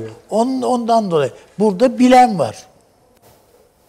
Yumruğu yemiş olan bir Türkiye var geçmişte. Bir de biz varız. O yumruğu biz attık diyor adam. Süleyman Hocam. Yani or- orasını biz ihmal ettik bayağı. Çünkü şöyle de söyleyeyim. İngiltere şunu da vaziyet ediyor. Biz derken yani burası değil. Yani Türkiye ihmal etti. E biz dahiliz ona. Ha yani. evet. Süleyman Hocam. Hani çünkü mesela hani kim girecek dendiği zaman mesela İngiltere şeyi de Ama gösteriyor. nereye girecek yani? Şimdi Siyaseten Irak'ta etkin olmayı kastediyoruz. Ee, ben daha da söyleyeyim. Mesela Suudi Arabistan'ın orada ağırlık kazanması noktasında İsrail'in ve İngiltere'nin destekleri var, yani çalışmaları var diyelim. Hatta hatta burada İran fazla ses etmesin diye İran'ın Suudi Arabistan Birleşik Arap Emirlikleri ile ilişkileri biraz daha iyi olsun için diye bu ülkelerin vaziyet etmeleri var. Dünya başka bir dünya biliyorsun. Rusya bile Türkiye'nin Irak'ta etkin olmasında fayda görüyor kardeşim. Yani bu nereye kadar gidebilir? Önce onu yani bir bütünüyle bir Irak'ta Türkiye'nin etkin olması diye bir şey bence daha uzun erimli düşünülmesi gereken bir durum. Yani Yani karşı tarafta bir blok ortaya çıkabilir. Yani hatta İran'ı bile dahil edebilecek. valla dediğim gibi yani benim nazarımda Türkiye'nin nüfus sahası Kuzey Irak bölgesidir. Yani Bağdat'tan aşağı falan gitmez. Neyi kontrol edeceğiz orada yani? Yani Biz edelim diye değil ama şey, politikalarınızı tehdit eder bu gelişmeler. Politikayı ne açıdan tehdit eder ben onu tam anlayamadım mesela. E yani şöyle düşünün. e, Bağdat yönetiminde Suudi Arabistan Birleşik Arap Emirlikleri İsrail etkinliğinin varsayalım, varsayalım e, aktif olduğunu düşünün. Kuzey Irak'ı da etkiler. Terörle mücadelenizi de etkilemeye başlayabilir. İran'la ilişkilerinizi etkiler. Belki Ama belki buna- Suriye'yi bile. Yani netameli bir şey bu. Çünkü ben şöyle görüyorum Osmanlı İmparatorluğu döneminde bile yani en güçlü olduğumuz dönemde bile oralarda kontrol sağlamakta çok zorlandık. Çok zorlandık. Bunun belli bir sınırı var yani. Mezopotamya'nın daha çok kuzey bölgeleri Türkiye için kritik bence. Daha aşağıyı kontrol etmesi çok zor. Şimdi orayı edelim de değil. Gelişmeyi söylüyorum ben. Hani, Ama yani ne yapacaksınız onun karşısında? Ama yapılması Türkiye lazım. şöyle değil mi hocam? Türkiye İran'ın da oyundan çıkmasını istemiyor o kadar. Tabii onu söyleyeceğim. Yani bu Amerikan planı ne olursa olsun. Hah. Bu bu Rusya'nın da Türkiye etkin olsundan kastım yani şu Soçi mutabakatı işte Astana mutabakatı filan. Bravo. Kırık Onu- dökük de olsa onu- tabii. o devam Dursun. etsin istiyor Rusya. Tabii, tabii. E Türkiye de istiyor bunu. Çünkü Tabii ki. bölgede e, evet İran'dan hayır hak bir şey çıkmaz ama İran'a rağmen de hayır hak bir şey çıkmıyor. Tabii. Yani orada bence Basra meselesi İran'ın çok daha etkin olacağı bir alandır o. Yani onun etkisinin, nüfuzun devam etmesi ama kuzeyde de Türkiye kontrolünün olması bence en ideal tablodur. Yani kuzey, pardon Mezopotamya'nın kuzeyi ve güneyi arasında bence bir Türkiye-İran şeyi vardır. Evet, evet. Peki. Ayrımı vardır. E, oradan İran taşının Hocam çekilmesi Necef'e- bambaşka. Necef'i nasıl kontrol edeceksin yani? Orada bambaşka unsurların girmesi onlar da giremez yani. Onlar da kontrol edemez orayı. Suudi Arabistan mı kontrol edecek bu kadar yoğun Şii nüfusun yaşadığı yeri? Mümkün mü bu? Bence pek mümkün değil. Ya orada bence daha pazarlığa açık şeyler var. Şimdiden e, böyle çok dramatik bir tablo görmüyorum. Ama e, Türkiye'nin yürüttüğü o pençe harekatları vesaire zaten aşağı yukarı de facto olarak Türkiye'nin kontrol edebileceği coğrafyayı e, hedefliyor. Yani esas bence önemli olan o. Peki. Ee, İran e, bence Irak İran'ın e, ikinci önemli nüfus merkezi. Yani hem e, Körfez'e hakim olabilmek Mezopotamya kuzeyden PKK ile birlikte Pejak vasıtasıyla, güneyden de Haçlı Şabi vasıtasıyla Irak'ı kontrol etmeye çalışıyor. E, Kazimi şu anda yeni başbakan oldu ve bir önceki gibi e, Abdülmelik mi Abdülhamdi mi onun gibi ilk ziyaretini İran'a yaptı. Ve Hamene'nin söylediği iki cümle vardı. Bu medyasında da yer aldı. Bunlardan biri diyor ki Haçlı Şabi'ye gerekli desteği sağlayın Amerikalıları gönderin gitsin. İran Ee, tarafı. Evet. Tabii öyle söylüyor. ve e, hatta Kasım Süleyman'ın öldürülmesinde de Kazimiye e, çok, önemli bir şekilde yani Kazım, evet. Başbakan Kazimi öyle şey bir figür değil. Evet. Ee, Yani tam bir yere ait biri değil. Evet. Ama yani benim şahsi kanaatim kimin borusu ödüyor bu adamın üzerinde derseniz ben yine Amerika'yı. Amerika Birleşik Devletleri tabii. Yani e, zaten Yani orada onun da için Kazimiye, Tahran Tabii. yönetiminin Amerikalıları oradan gönder demesi Yok o olmaz o. Yani bu ifadeleri hatta Amerikan e, İran medyasında da e, İran'ın işlerine Hamene'nin karıştığını e, açık ve net bir şekilde ortaya koyuyor. E, ve Kasım Süleyman'ın öldürülmesinden de esas sorunlardan birini olduğunu İran medyası e, ifade ediyor. E, tabii bunu yaparken e, geçen hafta içinde e, e, birden fazla saldırı gerçekleşti. Esasında yine son bir ay 70'in yüzünde e, Irak'ın, Kuzey Irak dışında e, saldırının e, gerçekleştiğini biliyoruz. E, Amerika Birleşik Devletleri'nin ve diğer güçlerin gönderilmesi için biliyorsunuz önceki hükümet döneminde meclise bir önerge geldi. Kanun teklifi yasalaşmadı. E, Şimdi e, İran tekrar bunun yasalaşmasını talep etmiş Kasimi'den. Yani fakat tabii bunu istediği kadar yasalaşsın da bunun e, uygulama imkanı e, son derece kısıtlı. E, dolayısıyla e, İran e, Irak üzerindeki nüfusundan asla ve asla vazgeçmeyecektir. Değil mi? Evet. Bence E, çünkü Kuzey dediğim gibi Pejah'ın e, bundan 3 hafta evvel 6. kongresi gerçekleşti. E, o kongrede alınan kararlar e, sızdı medyaya ve e, İran kuzeyinde e, İran'la birlikte e, ve PKK ile işbirliğine girmek. E, dolayısıyla e, İran kuzeyinde İşte esas PJ bizimle ilgili PKK mesele bu. e, Suriye'ye doğru bir koridor açmak, Türkiye'nin olası bir şekilde daha güneye inmesini bu şekliyle bir ölçüde engelleyebildiği ölçüde engellemek e, ve Türkiye'nin Irak'a fazla e, müdahil olmasını Paşam e, şey engellemek. mi sizce neredeyse PKK Kandil'den vazgeçti gibi. Evet, evet. Değil mi? Bir evet. görüntü var yani böyle bir görüntü var. Daha, daha o Sincar'da, doğru, Sincar filan- taraflarına Sincar'da doğru, filan evet, mevzi evet. tutmanın derdine Ben de düştüler. aynı e, değerlendirmeyi yapıyorum. Size de şey Biraz o tarafı peja bıraktı gibi zaten. E, Bunu da geçen hafta da söyledik. KYP ile e, Barzani Talabani'nin e, kendi güçleri arasında biliyorsunuz Erbil hükümeti e, oraya Çatışma şey oldu. gönderdi. Kendi kuvvetlerini gönderdi.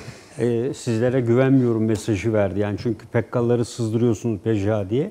E, ki Amerikalılar vasıtasıyla gönderilmişti. Yani İran e, milisleri gelmesin diye. Dolayısıyla şu anda e, Irak'ta e, kuzeyi e, orta ve güneyinde e, iki ayrı e, İran dalgasının olduğunu Yani değerlendiriyor. Bağdat'ta da ki bu bahsettiğimiz Evet. gösteriler şey gösteriler değil. Evet, Sistematik evet, evet. devam ediyor. 50 derece sıcak var orada. Askeri üslere Saldırılar var, Oralara evet, saldırılar, saldırılar var. oluyor. Mesela geçen yıl 600 eylemci ölmüş bu Evet. şeylerde, gösterilerde. Az buz bir şey değil. Evet. Yani dolayısıyla tabii. Teşekkür ederim. Şans Hocam uygun görürseniz sizle bağlayalım. Ee, Yani çok hani zaten söylendi Irak konusu. Ee, Mevzu İran'la ilgilidir doğal olarak. Ee, Suriye ile beraber de değerlendirmek gerekir ama hani e, şöyle hatırlayalım. Ee, İstanbul'dan kalkan e, Türk ordusu Bağdat'a yürürken önce Bağdat'a mı gider? Ee, Önce bir Doğu Anadolu'da İran ordusuyla karşılaşır, onu geri ittirir, ondan sonra Bağdat'a gider. Bu yani değişmez bir ge- ge- gelenektir. Ee, coğrafya değişmiyor dedik ya biraz önce. Onun gibi bir şey İran'ın hani bölgedeki etkisi küçümsenecek bir etki değildir. Ancak hani bir şekilde kontrol altında tutmaya çalışıyor Amerika onu. Kazimiye'de baktığınızda hani o, o bu figür e, Amerika ile İran'ı dengelemeye çalışan, bir şekilde bir Iraklılık kimliği yaratmaya çalışan bir figür ama bana beyhude gibi geliyor işin açıkçası. Hani başarılı olabileceği kanaatinde değilim. E, Zaten hani Iraklılık kimliği dediğiniz böyle yok böyle bir kimlik. Yani Irak'ta kimse kendisine Iraklı demez. İşte Şiidir, Sünnidir ya da Kürttür. E, Yani böyle bir ayrım oluştu artık. E, Bizim Türkmenler ne yazık ki e, hükümette temsil edilemiyorlar. E, Ona acil Türkiye'nin bir çözüm bulması gerekir. Madem Kazimi bir Iraklılık peşinde koşuyor, en uygun e, kişidir ikna edilmesi konusunda Türkmenlerin haklarının e, daha fazla anayasaya girmesi, hükümette temsilleri, mecliste temsilleri şeklinde Türkiye'nin de bence asıl uğraşması gereken e, birinci öncelikli mevzulardan e, bir tanesi budur. Şimdi Basra'ya baktığınızda Basra konusunda hani yani güney bölgelerinde e, İran'ın etkisizleştirilmesi epeyce zor. E, Orta bölgelerde belki başka bir e, gerçeklik olabilir ama kuzey bölgelerde zaten e, çok bambaşka bir e, üç tane farklı Irak görüyoruz. Orada hani PKK'nın da batıya doğru kaydığını, Sincar'a yerleşerek aslında bir şekilde Kuzey Suriye'de oluşan yapıyla kendisini tanımlamaya başladığını düşünmek mümkündür. Bu coğrafyada yani İran-Türkiye anlaşması mümkün mü? Mümkün ama ne yazık ki zor. E, Çünkü bunlar köklü yapılar gerçekten. İşte orada hani e, anlaşma dediğimiz şey e, bir şekilde orta noktayı bulmaktır. Ama umarız e, bulunabilir. Çünkü coğrafyanın köklü iki e, yapısı bunlar. E, O olursa zaten e, zannediyorum ki hani e, Irak konusunda temel e, taşlarda yerli yerine oturabilecektir.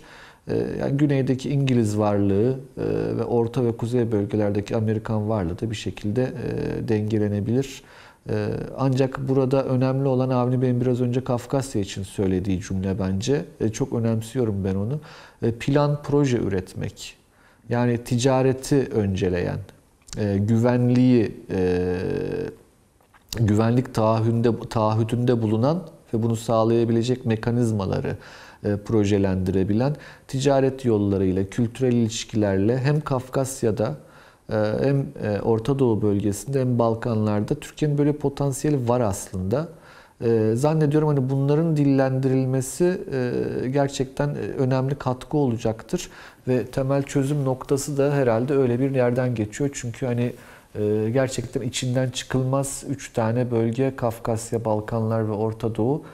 Türkiye'nin burada inisiyatif alması ama hani burada da bu inisiyatifi gerçekten nasıl söyleyelim lisan-ı münasiple ve ikna edici bir dille ortaya koyması gerekiyor galiba. E, başta da bence ağırlıklı olan şey ekonomidir. E, özellikle bu korona sonrası dönemde e, yeni ekonomik ihtiyaçlar içerisinde geniş kitlelere e, ve kitlelerden de öte e, buradaki siyasi öznelere de cazip gelebilecek e, planlar, projeleri Türkiye'nin üretme kapasitesi var bu coğrafyada. Umarım olur diyorum. İnşallah. Taşans Hocam çok teşekkür ediyorum. Ankara'ya selamlar. Avni abi sağ olunuz, var olunuz. Süleyman Hocam eksik olmayın. Paşam. Teşekkürler. Tekrar teşekkür ediyorum. Tekrarlayalım efendim. Bu perşembe programımız yok. Malum bayramdır. Bu vesileyle mübarek bayramımızı da tebrik edelim. Ee, yollarda dikkatli gidelim. Onu söyleyelim. Ee, Sosyal mesafe. Evet. Yani hem trafikte mesafeye hem sosyal mesafeye, fiziki mesafeye diyelim daha doğrusu dikkat edelim. Ee, çünkü dünyadaki rakamlar da yükseliyor. Ee, hem bayramımızı kutlayalım hem tatilleriyle birleştirenler var. Onlara da iyi tatiller dileyelim. Gece 02'de efendim tekrarımız var. Sosyal medya üzerinden, YouTube üzerinden yarın yine izleyebilirsiniz. Salı günü saat 21'de de inşallah yeniden huzurlarınızda olacağız. Görüşmek üzere.